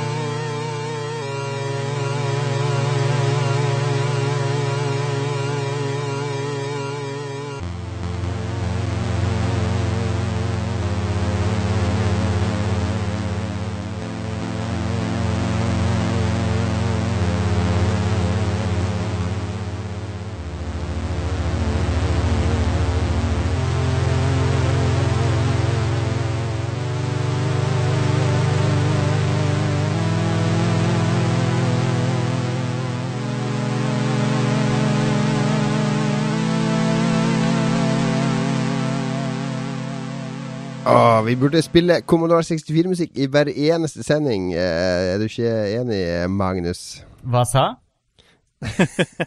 At eh, jeg kan nesten ikke høre noe, for det er så høy Commodore-musikk som uh, ringer i ørene mine her ennå. Åh, de, alle disse metavitsingene som, som ingen av lytterne skjønner noe om. Skjønner, skjønner noe av. Ja, Takk vi, til uh, Commodore 64-artisten som spilte der. Vi- det var en veldig uh, tilfredsstillende sang. Vi er uh, på full fart inn i tidenes lengste lytterspalte, tror jeg det er. Fordi vår sosiale mediesjef eh, eh, Lars, også kjent som sosiale medier-eliten Å nei, det skulle jeg ikke si. Eh, men han, eh, han er eh, Han har vært på hugget for en gangs skyld. For en gangs skyld så har han eh, putta ting på Facebook. eh, ikke når det er en time igjen til sending, men mange timer før sending. Og da blir det respons. Begynte å tease det dagen før, til og med. Ja, til og med dagen før. Så vi har fått en hel haug med, med tilbakemeldinger fra lytterne. Så eh, det setter vi utrolig pris på. Vi var litt redd for kanskje at Commodore 64 skulle være litt for nerdete og gamle. Sånn gamlingstoff som ikke engasjerer mange av lytterne. Mm. Ja, for det er jo mest uh, tweens, er det ikke det, som lytter til Lolbua? Vi må, vi må ha en eh, lytterundersøkelse en gang, og få kartlagt brukeratferd og sånn, sånn at vi kan eh, kjøre litt targeted advertising. Helt enig. Og, eller bare at vi styrer det redaksjonelle innholdet etter, eh, etter publikum. Så litt mer eh, vampyrer og eh, Ja. Varulver. Varulv. hm, Og varulver og sånne ting, ja. Så Mm. Tror sånn jeg vi er som på i uh, The Order. Ja. Ja, vi har jo faktisk allerede vært der, ja. Jeg fikk, Og, jeg fikk eh, spoila at det var vampyrer i The Order. og Spoiler alert, forresten. Men det trodde jeg ikke. Jeg hadde ikke peiling at det var det. Jeg bare- Jeg bare trodde det var trodde det kunne være det, siden det var varulver. Og det jammen meg, så tydeligvis. Du satt der og bare Åh, Det eneste som kan gjøre det her spillet verre nå, det er hvis du dytter inn noen vampyrer òg. Og så gjør de det! Nei, jeg syns det var eh, Det var ikke så ille, akkurat den innblandinga der. Men du har altså ikke spilt deg frem der til, Lars? Du ga Nei, opp jeg er spillet? sikkert like rundt hjørnet. Jeg har, jeg har slutta å spille siden han eh, Mats er på Nordsjøen og pumper opp olje, sånn at vi de alle det skal opprettholde Du lova han at du ikke skulle spille videre. økonomien. Ja, nei, vi får se. Kanskje vi ikke gidder. Vet du hva, jeg drev og spilte det, og så eh, Så jeg kan snakke om det neste gang. Jeg, må, jeg måtte Jeg dro fram et, et spill fra 2014 som jeg har gått og tenkt på helt siden jeg spilte det og anmeldte det, at jeg egentlig burde gi det høyere karakter. Så jeg drar det frem igjen, men det kan vi snakke om neste gang. Uh, ok. En liten teaser, så at vi har lyttere med. Det er litt sånn proff radiotalk har jeg lest på, på vi nettet. At du må tease litt ting som skal skje i neste episode. Oh my god, så proff vi er. Ja, vi er kjempeproff. Men nå er det faktisk Lars sin spalte. Det er Lars, det er din jobb å lose oss gjennom eh, det store, store lytterhavet. Og plukke opp en lytter i ny og ne som ligger og plasker i vannet, og ta han om bord i båten og høre på hva han har å si. Ja, ja, Livredder ja. Lars ute i Elias redningsskuta. Ut på havet, Lars. Tut-tut! Har du drukket mye nå før vi Jeg Jeg har vært på foreldremøte, vet du. Det, vi vet hva dere driver med der. Oi, oi, oi. OK. Det er, nå er det nok med de lange lytterspalte-intro-greiene. Dette er siste, siste gang, altså. Skal vi se. Eh, første kommentar om eh, C64. Jeg tror ingen har snakka om noe annet enn eh, det vi spurte om denne gangen. Det, Briljant. det er jo litt nytt. Men jeg tror det er mange som har gode minner fra Commodore 64. Blant annet sånn. Tom Ødegaard, som sier at den beste følelsen var å komme hjem med en bunke nye spill etter å ha besøkt en kompis. Ah, piracy in the old days. Og det kan vi vel alle være enig i. Ja, det Men det som vi sa, da, det er, eller som, eh, som jeg også sa helt uh, i begynnelsen, så var jo det Det var nok det som gjorde at Eller at maskinen var så sykt populær også, at det var fri tilgang på spill til den. Det var jo alle portene åpne der. Det var, var, det noe, var det kopibeskyttelse på disse her spillene? Nei. Ja, nei, jo eh, sånn Ja, egentlig, men det ble knekt med en gang. Ja, men var det ikke Det var først sånn på PC-tida at, eh, at de begynte med disse manualene som du måtte eh, slå opp i for å finne koder Jo, og det sånn. dukka underveis. opp sånn etter hvert, men det var spillene var jo utgangspunktet Kunne du ikke loade inn spillet og så save det i operativsystemet. Du måtte bruke sånn dobbel kassettspiller og sånne ting. Ja, riktig. Så det var kopibeskyttelse sånn sett. Men, ja. Ja. men det jeg husker òg, var jo at kvantitet var jo mye viktigere enn enn, eh, jeg, jeg dro jo aldri til en kompis for å ta opp ett spill. Det var veldig sjelden. Det var sånn Å, jeg hadde en kassett med 20 nye spill, og så var det yes, og, og hente den hjem, og så prøve hvert spill i sånn her ti minutter. Ja. Og Mm. det handla ikke så mye om å skaffe seg bra spill. Det var liksom Å, så mange spill. Mm, absolutt. Skal vi se, vår gode venn Blufsa, også kjent som Torbjørn, eh, tar opp det her med turbotape. 100 spill på én kassett, sier han. Første gang han runda Blue Max, var også eh, høyt eh, verdsatt minne og sånn. Og, eh, ja, Blue Max klarte jeg aldri å runde. Jeg vet ikke om noen av dere gjorde det. Nei.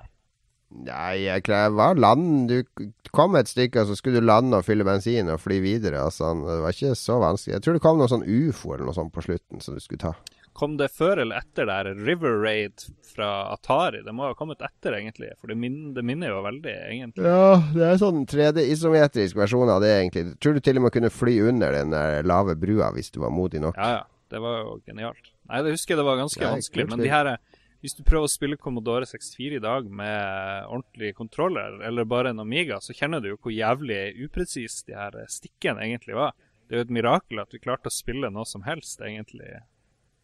Jo, men barn har en eh, fantastisk tilpasningsevne når, eh, når det er underholdning i andre enden. Uh, Og de, de, de, de bra stikkene, de der uh, eh, Zipstick. Ja, Zipstick, de, de var jo ganske presise. Men når jeg Ja. spiller på emulator her nå, så bruker jeg jo en Xbox 360-kontroller. Det funker veldig bra. Ja. Hm. Um, Tommy Wilhelmsen, en eh, kjernekar fra Alta, sier at han husker å sitte en hel ettermiddag med Winter Games, men mesteparten av tida ble brukt til å justere lydhodet på kassettspilleren mellom øvelsene i spillet. Og ja, det var Winter Games, Summer Games, World Games Jeg husker ikke Decathlon. Det var jo helt vilt uh, hvor mye vi klarte å riste løs på de her Det var epics. Har du et spill som Epics. heter Caveman Uglympics. Jeg vet ikke om dere Ja, det var det. det. Og så var det et som heter Blood and Guts, som var sånne vikinger som, eh, der man skulle uh, hadde kattekasting og sånne ting. Det var masse blod. Mm. Var det Blood and Guts det heter? Var det ikke Ja, Guts det er and Glory? heter Blood and Guts, husker jeg. Guts and Glory, var det ikke det? Var det det? Kanskje, kanskje. Vi kan uh, sjekke det opp. Ja. Men, men eh, jo, der kommer han inn på det der lydhodet òg. Og der var det også en revolusjon når du fikk de her sportsspillene på diskett i stedet for kassett. Det, det var ganske deilig. Mm. Eh, Vår venn og sjef eh, Gusta sier at hans beste minne er å spille gjennom Bubble Bubble fra start til slutt med en kamerat.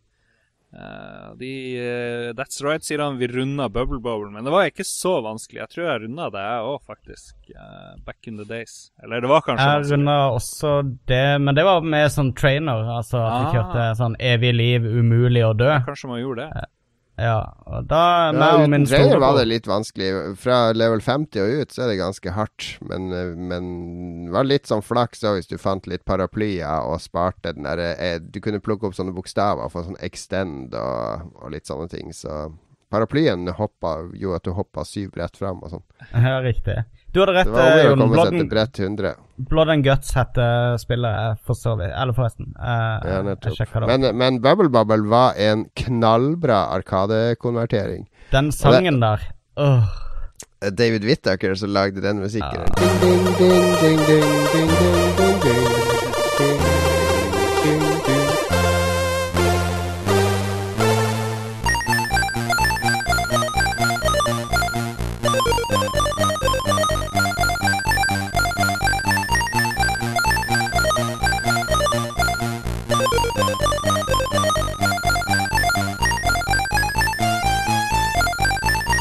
Var mye Altså, Arkadespillene var jo kongespillene på 80-tallet. Det var liksom Du ble helt Ja. wowa når du gikk inn i Arkadehallen og så på den fete grafikken, for det var så langt unna det du fikk på Commodore 64 og Nes og de andre.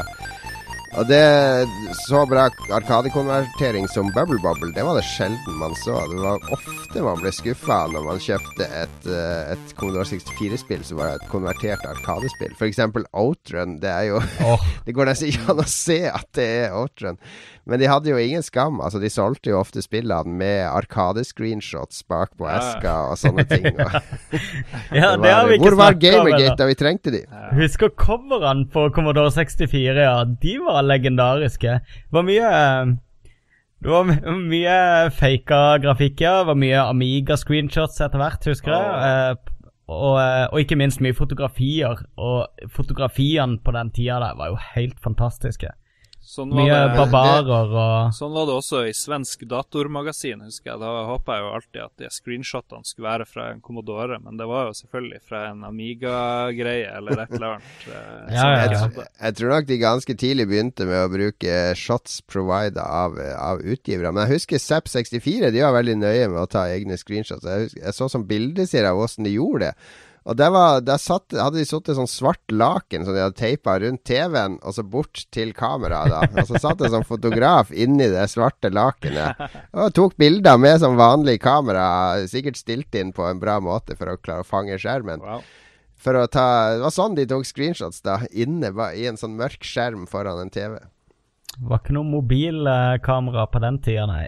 Det har vi jo òg glemt å snakke om, det er jo de her databladene. Men det er kanskje et eget tema en gang i uh, Det har vi, det er et eget program. Det, det kan vi godt ha. Skal vi se, han Eivind Johansen han lister opp en lang liste spill som Eivind Johnsen. Eivind Johnsen. Det her er min spalte, Johan. Hold den lange talen din igjennom hvordan det her var. Ja, men jeg må jo få lov til å, å fakta, komme med faktasjekk. Det er greit. Uh, The Last Ninja, Wizard of War, Stunt Car Racer, Gianna Sisters. Og så nevner han en haug med bøker med oversikt over hvor langt man måtte spole på hver kassett for å laste forskjellige spill. Musikken satte også dype spor i ryggmargen. Av de han lista opp, så eh, har jeg jo helt glemt Stunt Car Racer. Men det var jo eh, revolusjonerende i min, eh, min hjerne, i hvert fall. Ja, spilte du det på 64? For det var Amiga-spill for meg. Det kom på begge, husker jeg. Ja, jeg spilte det på eh, Commodore 64, og det var jo mye dårligere der, da, selvfølgelig. Men uh, Last Ninja og ikke minst uh, Gianna Sisters, det var gjengangere i hvert fall på min Commodore. Gianna Sisters var jo en enorm hit.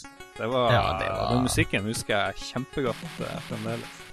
Og så rippa Nintendo hele spillet og lagde, lagde Mario. Ja, men det er frekt. Miyamoto, den copycaten Miyamoto. Faen.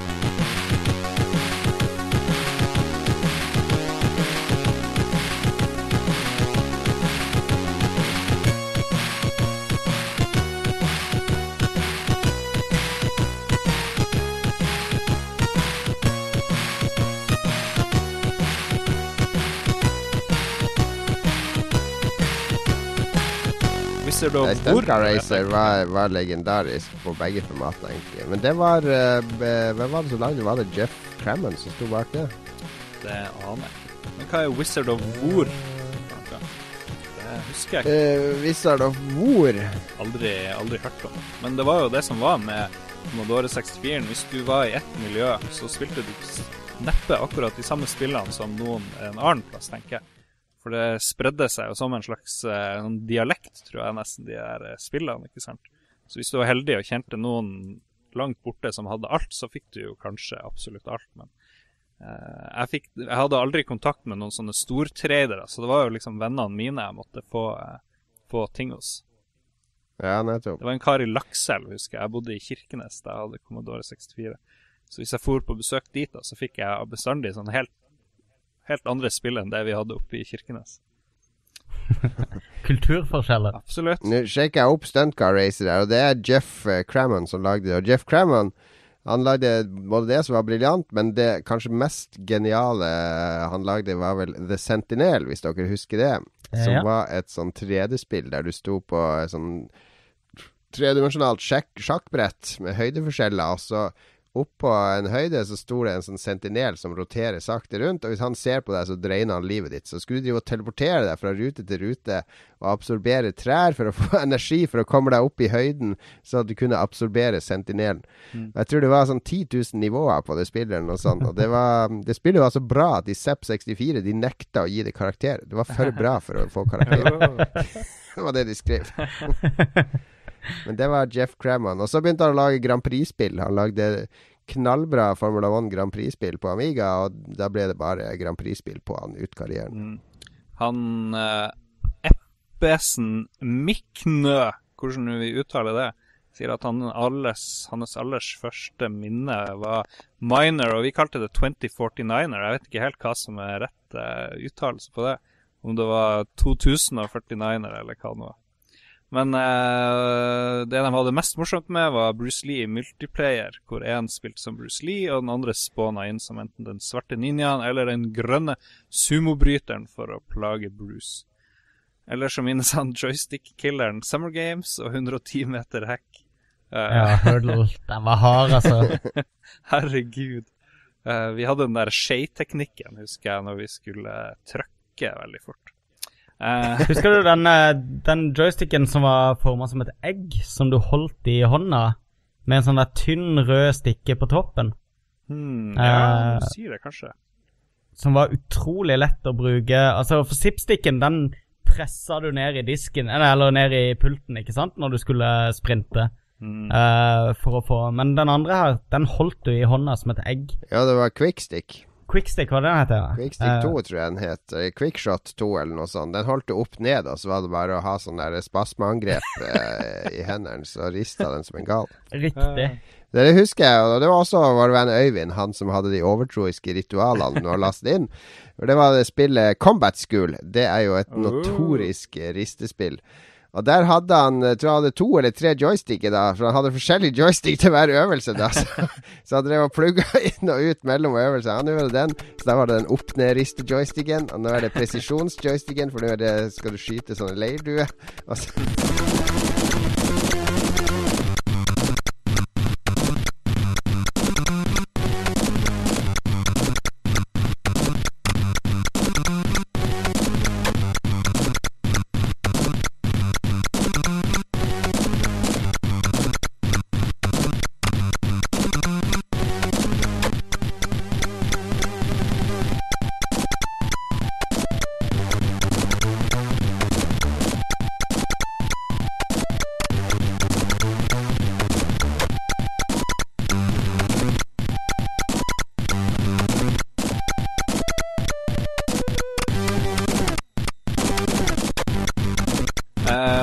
han lister opp noen flere spill. Han Eppesen Epesen eh, Skal vi se IK Pluss, Pirates, um, Racing Destruction Set, Defender of the Crown, som jo var sånn eh, øyeåpner på Amigaen. Breakout og Oslo Børs dukka også Ja, ja. opp siden. Det husker jeg ikke, Det er men bra ja. der. Jeg husker Oslo Børs. Jeg skjønte ingenting av det, men det var utrolig spennende at det var på norsk. Var det hvor du skulle kjøpe med- tinn og gull og sånne ting, eller? Det var aksjer, var det ikke noe det? Norsk data og sånn òg der. Og Ja. han, uh, Mm. Det var, det var et aksjespill. Ja, Eh, Racing Destruction Set husker jeg òg godt, for jeg kunne jo lage dine egne Mm. bilbaner i sånn 3D-isometrisk med bakker og opp og ned. Men det morsomste var det var at du kunne stille gravitasjon, om du ville ha det som på Mars eller månen eller sånn. Så du kunne Ja, ja, ja. ha sånn enorm eh, svev med de bilene som bare fløy og fløy. ja konge. Eh, det var vel det nærmeste vi kom Minecraft en stund der, kanskje. Ja, kanskje det. Så var det jo også et uh, fotballmanagerspill, husker jeg, hvor du kunne bytte ut navnene på spillerne. The. Boss. Ja, det var konge. Det var helt fantastisk. Um, Jeg husker, uh, jeg husker da Manager, det første fotballmanagerspillet som var på C64. Det spilte jeg ganske mye. Det var mye. sinnssykt mange fotballspill på, på den tida. Det, det kom til og med et som het eh, eh, Handball uh, Mar Nei, Peter Shiltons Handball Maradona. Det, der fikk de Jeg kjøpte de lisens, de ringte til Peter Shilton jeg kan jo lage et spill med ditt navn. Ja, Og så kalte de Handball Maradona etter eh, VM-kampen Ja, ja, der Maradona i hensa i mål over ham. Det var 1986, så det er bra timing. Um, men Manager var vel det Det var vel det som ble det største av de spillerne. Det var veldig, Ja, det veldig hardcore. jeg spilte ikke de så mye. Ja, det spilte jeg i hjel. Det var Jeg rørte ikke Championship Manager pga. min avhengighet til manager på 80-tallet. han, eh, Anders Berge har sendt oss en lang eh, melding her, men den er så bra at jeg tror vi må lese den opp. Gjør Han sier at han Du har litt sånn der uh, sånn lydbokstemme nå, Lars. Ja, Ja. så vi, setter vi på litt mimremusikk i bakgrunnen når vi er i ferdig sending. Å, fin, fin musikk. Han sier at han aldri eide en sjøl, men tilbrakte utallige timer hos en kamerat som hadde Commodore 64. Han holdt tøffe auditions i friminuttene for å bestemme hvem som skulle få bli med hjem etter skolen for å spille. Han pleide å ta med to heldige utvalgte. Heldigvis hadde han gode, eller heldigvis hadde jeg, gode kommunikative og karismatiske evner, som gjorde at jeg ble med ofte. Jeg hadde ikke sett spillemaskiner med kassettspiller og telleverk før, og det husker jeg fascinerte meg veldig. Jeg spekulerte faktisk på et tidspunkt om det her var noe jeg kunne gjøre med stereoanlegget vårt hjemme, men fant fort ut at det ikke var mulig å få til. Under spilløktene så supplerte mora ofte med vafler, kakao, hotdogs og you name it. Uh, perks of being an only child, skriver han. Noen ganger ble det spontane overnattinger for å klare de vanskeligste brettene. Jeg husker spill som Bubble Bobble, Internasjonal Karate, Bowler Dash, World Games, Spy vs. Spy og Great Java Sisters. Jeg husker spesielt også Maniac Mansion og Last Ninja 1 og 2. Musikken fra Sid-chipen sitter enda godt i ryggmargen, og han hører ofte på eh, musikk fra de her spillene. Etter hvert så fikk jeg meg en nes. Jeg forlot Commodore 64. Et nytt kapittel i mitt liv begynte jeg å kunne avholde mine egne auditions. PS har returnert til Commodore 64 i voksen alder gjennom emulator. Fortsatt bedazzling. Det var bra. Anders. Det var veldig fint beskrevet. Mm. Ja. Og det er jo litt som vi jo og, og overnattingen og sånn. Det, det, det fikk eh, Det kjente jeg meg igjen. Ja, samme her. Eh, men det- alle har liksom sånne personlige minner knytta rundt Commodore 64. Det var liksom det som var samlingspunktet en stund på 80-tallet. Det er artig at han nevnte Spy vs. Spy òg, det spillet. Jeg hadde helt glemt av i sted. Det var jeg- Min far han kjøpte jo Han studerte i Oslo, så samla han på Mad Magazine, det engelske satirebladet. eh, på 60- og 70-tallet, så vi hadde en hel eske med det på loftet. De, jeg elska jo de bladene jeg var små, fordi det var, det var ikke sånn grove tegninger, men det var mye morsomme tegninger og sånn. Og satire. Og der, eh, der var jo den Spy vs. Spy-tegneserien som var hysterisk morsomt, med den hvite og svarte spionen som alltid skulle ta livet av hverandre. Og når det spillet kom, det var, jeg var helt eh, gira på å få det spillet, fordi det var basert på det, min favoritt-tegneserie. Så eh, det var et veldig artig spill. Du skulle plassere Du skulle finne sånne hemmelige dokumenter, altså om å gjøre å finne de først i et sånt hus, og så skulle man stikke av i flyet, da. Og så kunne man plassere ut feller rundt omkring da for den andre. Det var to player, da. Split screen. Så at den andre fikk sånn elektrisk sjokk eller eh, eh, pistol som skjøt han, som var rigga og sånne ting. Så, så Men det var jo Det var jo egentlig ødelagt, det spillet, fordi alt du hadde å gjøre, var å finne exit-døra. Og så putte en felle på den, og så, gå, og så sette deg og venter på at motspilleren skulle finne alle tingene, og så prøve å gå ut til flyet. Så døde han i det rommet, og så plukka du opp alle tingene og gikk ut. Um, Vittig at du sier det, Jon, for det, uh, jeg leste mye med deg også da jeg var liten, og min favoritt-tegneserie var også Spy vs. Spy. Uh, Hva? spill Har vi samme smak om noe? Det er, det er Nå! Vi klipper dette ut fra sendinga, men jeg kan, Ja, eh, jeg kan eh, eh, Men jeg, heide alltid på den svarte spionen. Jeg hadde han som favoritt. Ja, ja, jeg heide alltid på han hvite. Ja, der har vi! Ok, greit. Da kan jeg fortsette. Da kan Ja, vi beholde jeg var i New York nå nylig, og da fant jeg Spy vs. Spy-kostyme til halloween. Det var Ja, sånn nice. der med det spisse greia og hatten og Ja, det ble litt Men- frista. Eh, Spy vs. Spy eh, sammen med California Games var det eneste originale spillet, tror jeg, jeg hadde til konsollen. Og det Ja, gleder jeg meg stort til, men vi var for små når spillet kom, så jeg hadde ikke noe spesielt. Jeg spilte det veldig, veldig mye, men jeg husker at jeg ikke skjønte så altfor mye av åssen vi skulle spille Ja. det. sånn. Så det var litt uh, trist. Men tusen takk til Anders for den fine historien Ja. som Takk, brakte takk. oss ned uh, memory lane. En av, en av de bedre vi har fått. Han Steinar Barbakken han nevner Elite. Uh, det har vi ikke nevnt. Impossible Mission. Paradroid. eh, Internasjonal karate. IK. Monty on the Run-musikken også. og Det er musikk han hører på den dag i dag i remiksa og original form. Og det gjør vel både Nesten alle av oss hører vel mye på musikk fra den tida. Monty on the Run, ja. Det, var, det er vel den som står som, som selve Kanskje pinnaclen av Commodore 64-musikk. Altså det, det beste eksempelet på, på, på sjangeren. Uh, det husker jeg, fordi vi, hør, vi leste jo Jeg leste jo notorisk mye datablader på den tida om spill. Og når vi leste om Monty on the Run eh, før de hadde fått det i butikken, så alle anmeldelser var bare 'Musikken er den mest fantastiske noen gang'. Helt fantastisk musikk. Og så husker jeg min venn Lamo hadde vært nede på Gunnar Nilsen når de hadde fått det inn, og de hadde loada det inn i butikken. Og så han hadde fått prøvd det der, da. Han hadde ikke råd til å kjøpe det. Og så kom han hjem til meg og fortalte det, og så jeg bare Ja, åssen var musikken? Og han bare det var som en eksplosjon ut av høyttalerne! Det var bare Hele rommet ble fylt av musikk! Han beskrev formelig en orgasme der og da, der han sto. Så vi endelig fikk spart pengene nok, så spleisa vi på det og kopierte det til hverandre. Ja, det var så bra.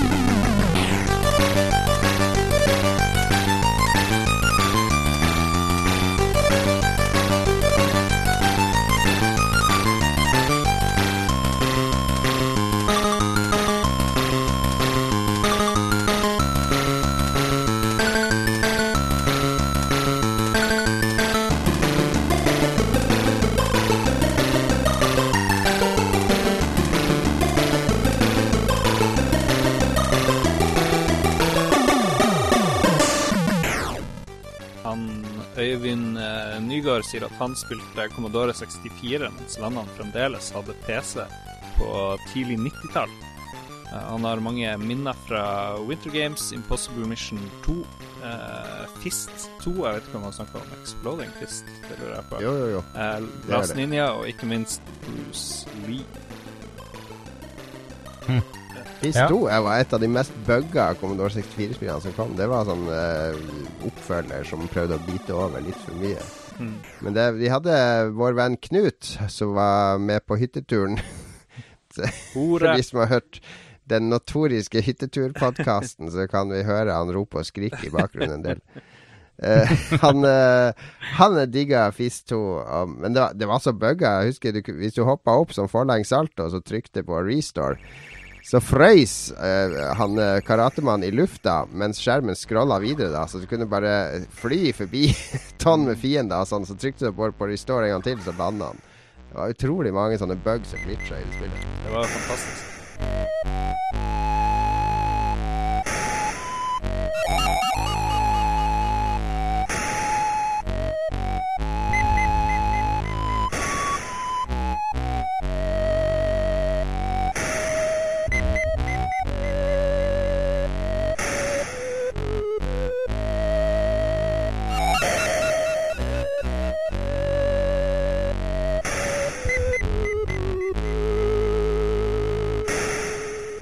En ting vi ikke har snakka om, er frustrasjonen med spill på den tida der. For det, sånn er lett å glemme. Det var jo alltid sol på sommeren når vi var små, liksom. Eh, Jeg kom på et spill som jeg spilte eh, mye mer enn jeg egentlig skulle ønske, eller hadde lyst til. eh, Henry's House. Jeg vet ikke om dere husker det? Ja, det var en favoritt.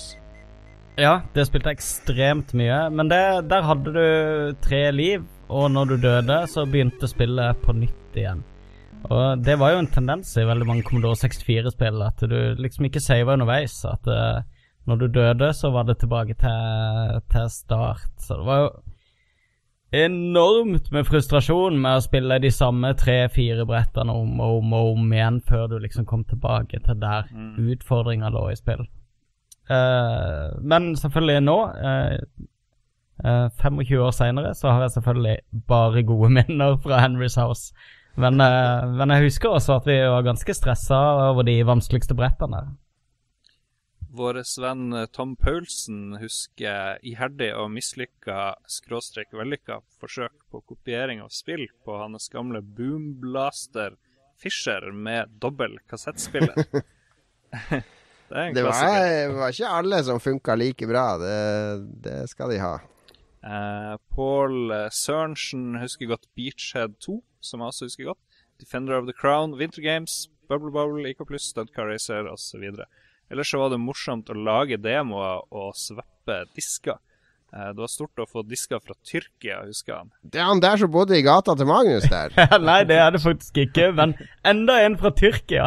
Det er litt det kult var å se. Tyrkia, piratmetropolen i Commodore-tida. Ja, det må ha vært et sentralt eh, land. Australia og Tyrkia var det mye snakk om, husker jeg, når vi var små. Så husker han også Final Cartridge 3, som vi allerede har nevnt, som gjorde loading osv. som en drøm. Skal bli morsomt å mimre litt i kveld. Og vi håper han eh, godeste Pål Sørensen hører på oss nå. Eventuelt eh, opptaket.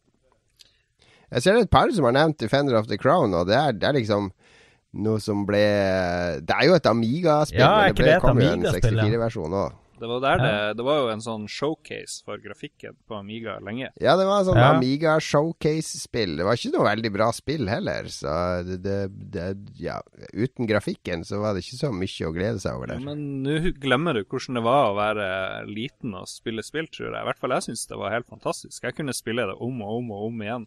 Det var morsomt å skyte med katapulten, og det var gøy å fekte litt. Og så var det det her om å flytte tropper hit og dit. Det var veldig, veldig Men enkelt. hvem av de fire Hvem av de fire prinsessene likte du best? det husker jeg ikke. Det husker jeg ikke. Det var, jo ei blond og rødhåra og svarthår og Men det var jo veldig variert, og det var jo gøy. Det var jo som å få en tre-fire spill i ett når du skulle jouste med den der hesten. Det blir litt sånn som det her Raid over Moscow, som heller ikke var sånn verdens beste spill, men eh, husker, det, husker det at jeg likte det veldig, veldig godt. da. Jeg husker at jeg ble enda mer redd for atomkrig av å spille Raid over Moscow. Eh, han Kjetil Berntsen han husker, han sier at det må vel bli Giana Sisters og Last Ninja. Og det skjønner jeg godt.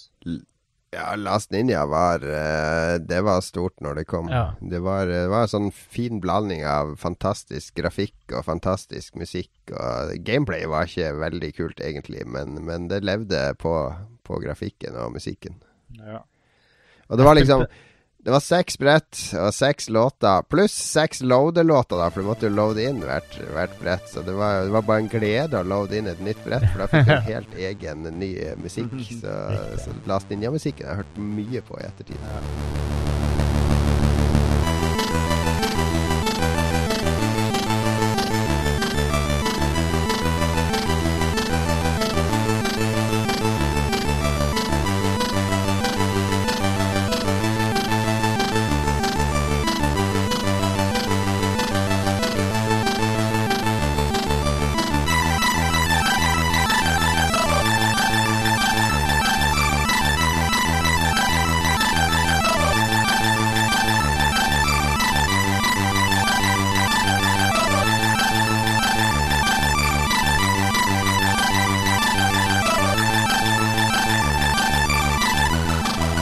Nevne noen andre spill som jeg kommer på mens vi sier det? er Kommando spilte vi ganske mye. Kommando var kult. Uh, og uh, uh, hva er det heter for noe? Green Beret.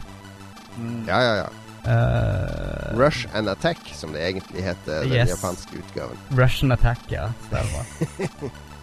Kommando var et spill Og det- Silkworm. Silkworm spilte jeg i hjel på min Commodore 64. Ja, Kommando kunne man vel sette på bare for å høre musikken, eh, akkurat som Arkana Ja. da gjorde jeg det, husker jeg. Ja, Kommando var altså Rob Hubbard på, på noe av sitt beste. Ja, det var Det bra var, musikk. men det var sånn du måtte kaste granat ved å trykke på space. Mm. Og da var det Da var det trikset der var jo for å slippe å slippe joysticken og så trykke på space framme. Enten så kunne du sitte med beina på bordet og så trykke på space med tåa. Men det de fleste gjorde, var å koble en ekstra joystick til i port 1. Fordi eh, skyteknappen i joystick-port 1 eh, var space-knappen, da. De Å, ja. hadde samme funksjon. Så da kunne du ha den joysticken på gulvet og så kaste granater med tåa med joystick 1, og så styre med joystick 2 i handa. Han Jon Christian Lønningdal han nevner The Hobbit, som vi ikke har snakka om. Han har Way of the Exploding Fist, Fort Apokalypse, Goonies, IK Pluss, Goonies. Impossible Mission, som jo er, var et flott spill, og Shoplifter. Eller Choplifter, kanskje, som det egentlig heter. Choplifter, ja. Mm. Mye bra der. Hobbiten var jo et av de første eventyrspillene jeg prøvde. Det var ganske vanskelig, syns jeg, men det var, du begynte i hula til Bilbo og eh, var sjarmerende laga. Tror det Det var veldig, veldig mye, det tekst eh, var, var ikke det tekst-adventure-spill? Ja, tekst med litt grafikk. Ja, det har jeg, jeg har spilt det. Jeg tror ikke jeg kom meg Jeg tror jeg kom meg så langt som til uh, Rivendell, hvis det var med. Jeg kom, jeg kom meg forbi de trollene, for du møter de trollene fra Ja, boka ja. som du må lure. og Mm. Eh, men det var ganske vanskelig. Og så husker jeg Hobbit-boka fulgte med spillet. Hvis du kjøpte originalen, så fikk du med hele Hobbiten. Kult. Eh, han Fredrik Johansen eh, sier at sier, husker av en eller annen merkelig grunn et flyspill som jeg tror het noe så enkelt som BIP. Bortsett fra at man styrte noen knøttsmå fly og fløy rundt for å skyte hverandre, husker jeg ikke så mye mer. Hvor bra det var, kan jeg heller ikke uttale meg om, men det er godt over 20 år siden, og jeg husker det fortsatt. Ja, det er sånn eh, Ja, man hadde alle sine, sine rare spill som man husker. Men Og ofte var det jo eh, sånn at det er ikke sikkert spillet hette BIP, men at eh, det var det det hette i vennekretsen, og da var det liksom Ja. navnet på spillet. Ja. Det er, jeg har glemt mange flere spill enn jeg husker i dag. Det er litt rart å tenke på. Jeg solgte min Commodore 64 til et søskenbarn for å få råd til å få Amiga 500, og selvfølgelig angre som en eh, hund på, på det der. Det samme gjorde jeg. Ja. Jeg solgte min for eh, 1200 kroner, Mm. faktisk, i sin tid. Jeg solgte den akkurat på riktig tidspunkt. Det gikk eh, eh, under et halvt år, og så bare stupte de i pris, alle Commodore-maskiner. Jeg, jeg solgte han for ganske mye. Det var lenge før du solgte din. Jeg tror jeg fikk sånn 3000 for han med diskettstasjon. ja, riktig. Det var halvparten av det jeg trengte til en Amiga, så det var helt greit, det. Men det smarte jeg gjorde, var jo fem år senere, når han var dritlei av den, så kjøpte jeg den tilbake for 500 spenn. Uh, haien! Jeg husker jeg, jeg kjøpte meg Casio keyboard for de 1200 kronene. Så det var penger well spent. Mm. Siste bidrag i dag er fra han Sten Tony Hansen. og Han sier at Commodore 64 var min første konsoll, og hvis jeg ikke husker helt feil, så fikk jeg den i julegave hos mamma det året den kom ut på markedet. Hatt mye moro med den, så denne episoden gleder jeg meg til å høre. Tusen takk. Nice. Mm. That's it. Nei, ingen tvil om at det er mye minner til den. Og det er jo, det er jo snakk om et litt sånn generasjonsskifte her, fordi eh, de som vokste opp på 90-tallet, de vokste vel opp med mer eh, enten PC eller PlayStation, vil jeg tro. Eh, og jo andre tider og helt andre virkeligheter å forholde seg til. Og spesielt de som vokser opp nå, da, med internett og, og sånne ting. Ikke at jeg, jeg skal prøve ikke å være sånn gamling som sitter og sier at alt var bedre før, men det er jo den den opplevelsen vi hadde, kan ikke sammenlignes med hvordan det er å vokse opp med spill i dag. Men jeg tror ikke det er noe Nei, bedre eller dårligere. Det er bare annerledes, tror jeg. Jeg, jeg, dømmer, jeg dømmer ingen vei. Men jeg ser sønnen min på, på, på 13, han har jo spilt eh, ti ganger mer spill enn jeg har spilt, hadde spilt på hans alder. Ja. På, på iPad og, og konsoller og PC og sånne ting. Vi Vi hadde jo den greia med at hvis vi først satt fast i spill, så var det liksom ikke andre enn eh, andre folk på vår alder å, å henvende seg til. Du hadde liksom ikke nettet til løsninger da, som, som gjorde at en, en jobba litt ekstra, og, og så kunne sitte fast i ukevis og sånne ting. da. Ja, det var, vi, vi spilte økologisk. Vi måtte ta nærmiljøet i Mm. bruk for å, for å få hjelp til spill og til å skaffe nye spill. Så vi var mer opptatt av økologiske spill på den tida. Men jeg husker eh, da jeg vokste opp, jeg, jeg har vært veldig musikkinteressert hele veien. Og da eh, jeg husker jeg irriterte meg veldig over Jeg var veldig misunnelig på de som vokste opp på 60-tallet og fikk med seg hele den rockerevolusjonen og, og alle de da, eh, i anførselstegn, bra bandene. alle de bra bandene eh, på 60-tallet. Og jeg følte liksom at eh, og, og til og med på 70-tallet. Så det var liksom ikke noe igjen for oss, da.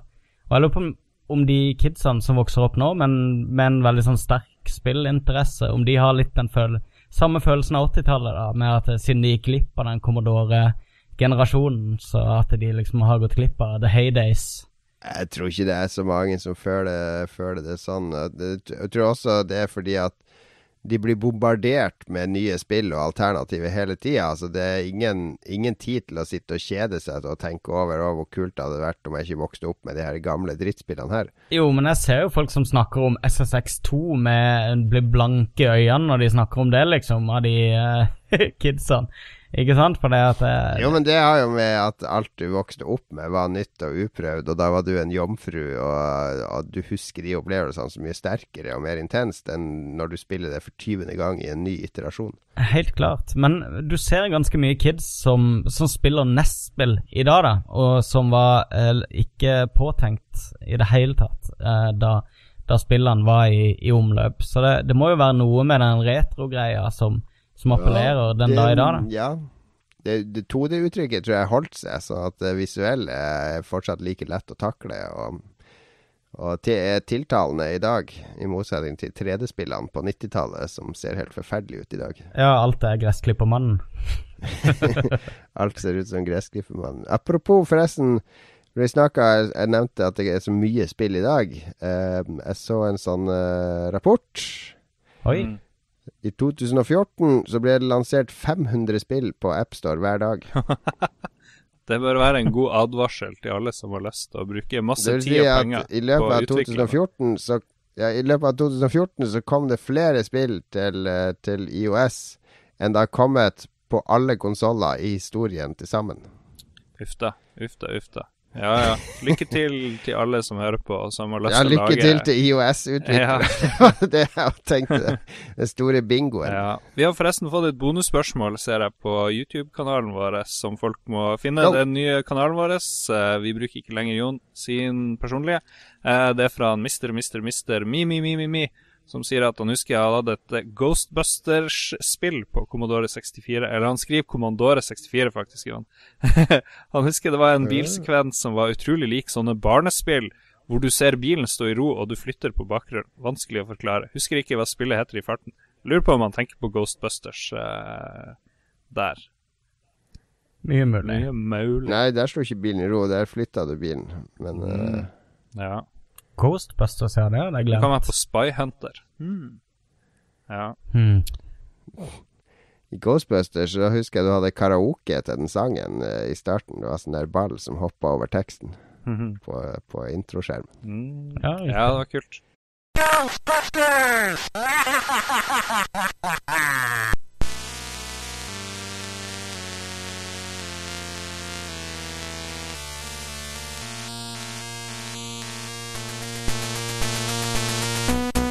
Nei, men det har, har det vært en fin mimretid, gutta. Absolutt. Deilig. En av uh, våre uh, mer sånne sendinger hvor det Ja, tankene går like mye bakover som til, uh, til nutida, for å si det sånn. Ja, Herlig. Man, man, skal, man skal lære av historien, kanskje vi skulle hatt litt flere sånne mimreprogrammer om ting. Det synes jeg var hvor det eneste jeg savna, var å sitte i en sofa med dere og virkelig kunne ta og kjenne på følelsene sammen. Ikke Jeg trodde du skulle denne- ta og kjenne på på oss. internettet. tørker tørke tårene til Magnus når han mimrer tilbake til uh, Ja, det- skjermen på eh, Maniac Mansion og sånn. Det blir ikke det samme over internett. Det gjør ikke det. Så, kanskje vi skal skal sitte sammen, uh, Jon Cato, i neste sending. Så kan jeg komme på besøk til deg, eller du til meg, og så kan vi dele Ja, skjerm. det- kan, vi kan vurdere det. Kan, jeg har aldri vært hos deg, så det hadde jo vært hyggelig. Jo, jeg tror du hjalp meg å flytte inn. Magnus i Jeg har aldri vært nede hos deg. Jeg har jeg har vært hos deg i den forrige leiligheten, men det skal vi ikke snakke om her og nå på sendinga, Fordi da drar du den der historien som du elsker å ta Den har vi i, i enhver sammenheng. før. Men uh, ja, jeg har bodd i samme leilighet i åtte år, og jeg har ikke hatt besøk av Jon Cato. Jeg har Ja, sånn kan man også se på det. Det, er jo, det handler om å bli invitert. Jeg inviterte deg i hvert fall to ganger i uka i, i åtte år nå, og du har sagt at det Herregud. ja, ja, ja, ja, bare vær hjemme klokka åtte, så Ja, vi hadde en så koselig stemning, så skal vi avslutte med en sånn erketypisk Magnus og Jon Cato-krangel. Nå må du ikke skjære inn, Lars. Nå, Lars, nå skal du få avslutte sendinga. Ja, da må alle sammen huske å like han Jon Cato på Fleksnes. eh, Eller ikke like han, dere må følge han Fleksnes, som jo er Jon Cato på Twitter, og Magnus Tellefsen på, eh, på Twitter der, og Lars Rolsen som er meg. Og så må dere eh, gå på Facebook-gruppa vår og bli medlem der. Dere kan bli medlem på Spilldate med LOL-crew, hvor man finner folk å spille med. Nå er det mindre Destiny enn noen gang, så da er det større sjanse å være med på ting som Evolve, og kanskje vi skal spille litt Helldivers etter hvert, og sånne ting. Em, dere må også like eller subscribe den nye YouTube-kanalen vår, for vi har lagt ut mye mer enn vi noen gang egentlig har lagt ut uh, før, og mer skal det helt sikkert bli. Og så kan dere også finne oss på lolbua.no. Og uh, hva vi skal finne på neste uke? Altså uh, Nei, hva er det for noe neste uke? Det er GDC over. Kanskje vi skal Og det har jo Skiftlings har jo kommet ut, og Drømmefall kommer òg neste uke. Riktig. Skiftlings, ja, det må jeg To av de største norske Eller Skiftlings er i hvert fall en av de største norske spillutgivelsene i år. Det kommer vel flere Drømmefall-kapitler i år. Mm. Kanskje vi skal prøve å få med oss eh, en eller annen norsk utvikler som gjest. Det syns jeg absolutt Mm. vi skal gjøre. Vi sender ballen eh, kjapt over til vår gjesteansvarlig Magnus, som Eh. er på saken umiddelbart. Jeg er allerede på saken, folkens. Da gjenstår det bare for Lars å takke for i dag og ønske lytterne en god eh, dag eller natt. Vi ønsker lytterne våre en god natt.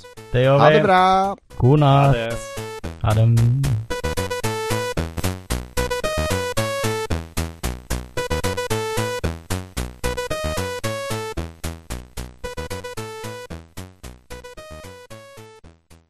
Har du et enkeltpersonforetak eller en liten bedrift? Da er du sikkert lei av å høre meg snakke om hvor enkelt det er med kvitteringer og bilag i fiken, så vi eh, gir oss her, vi.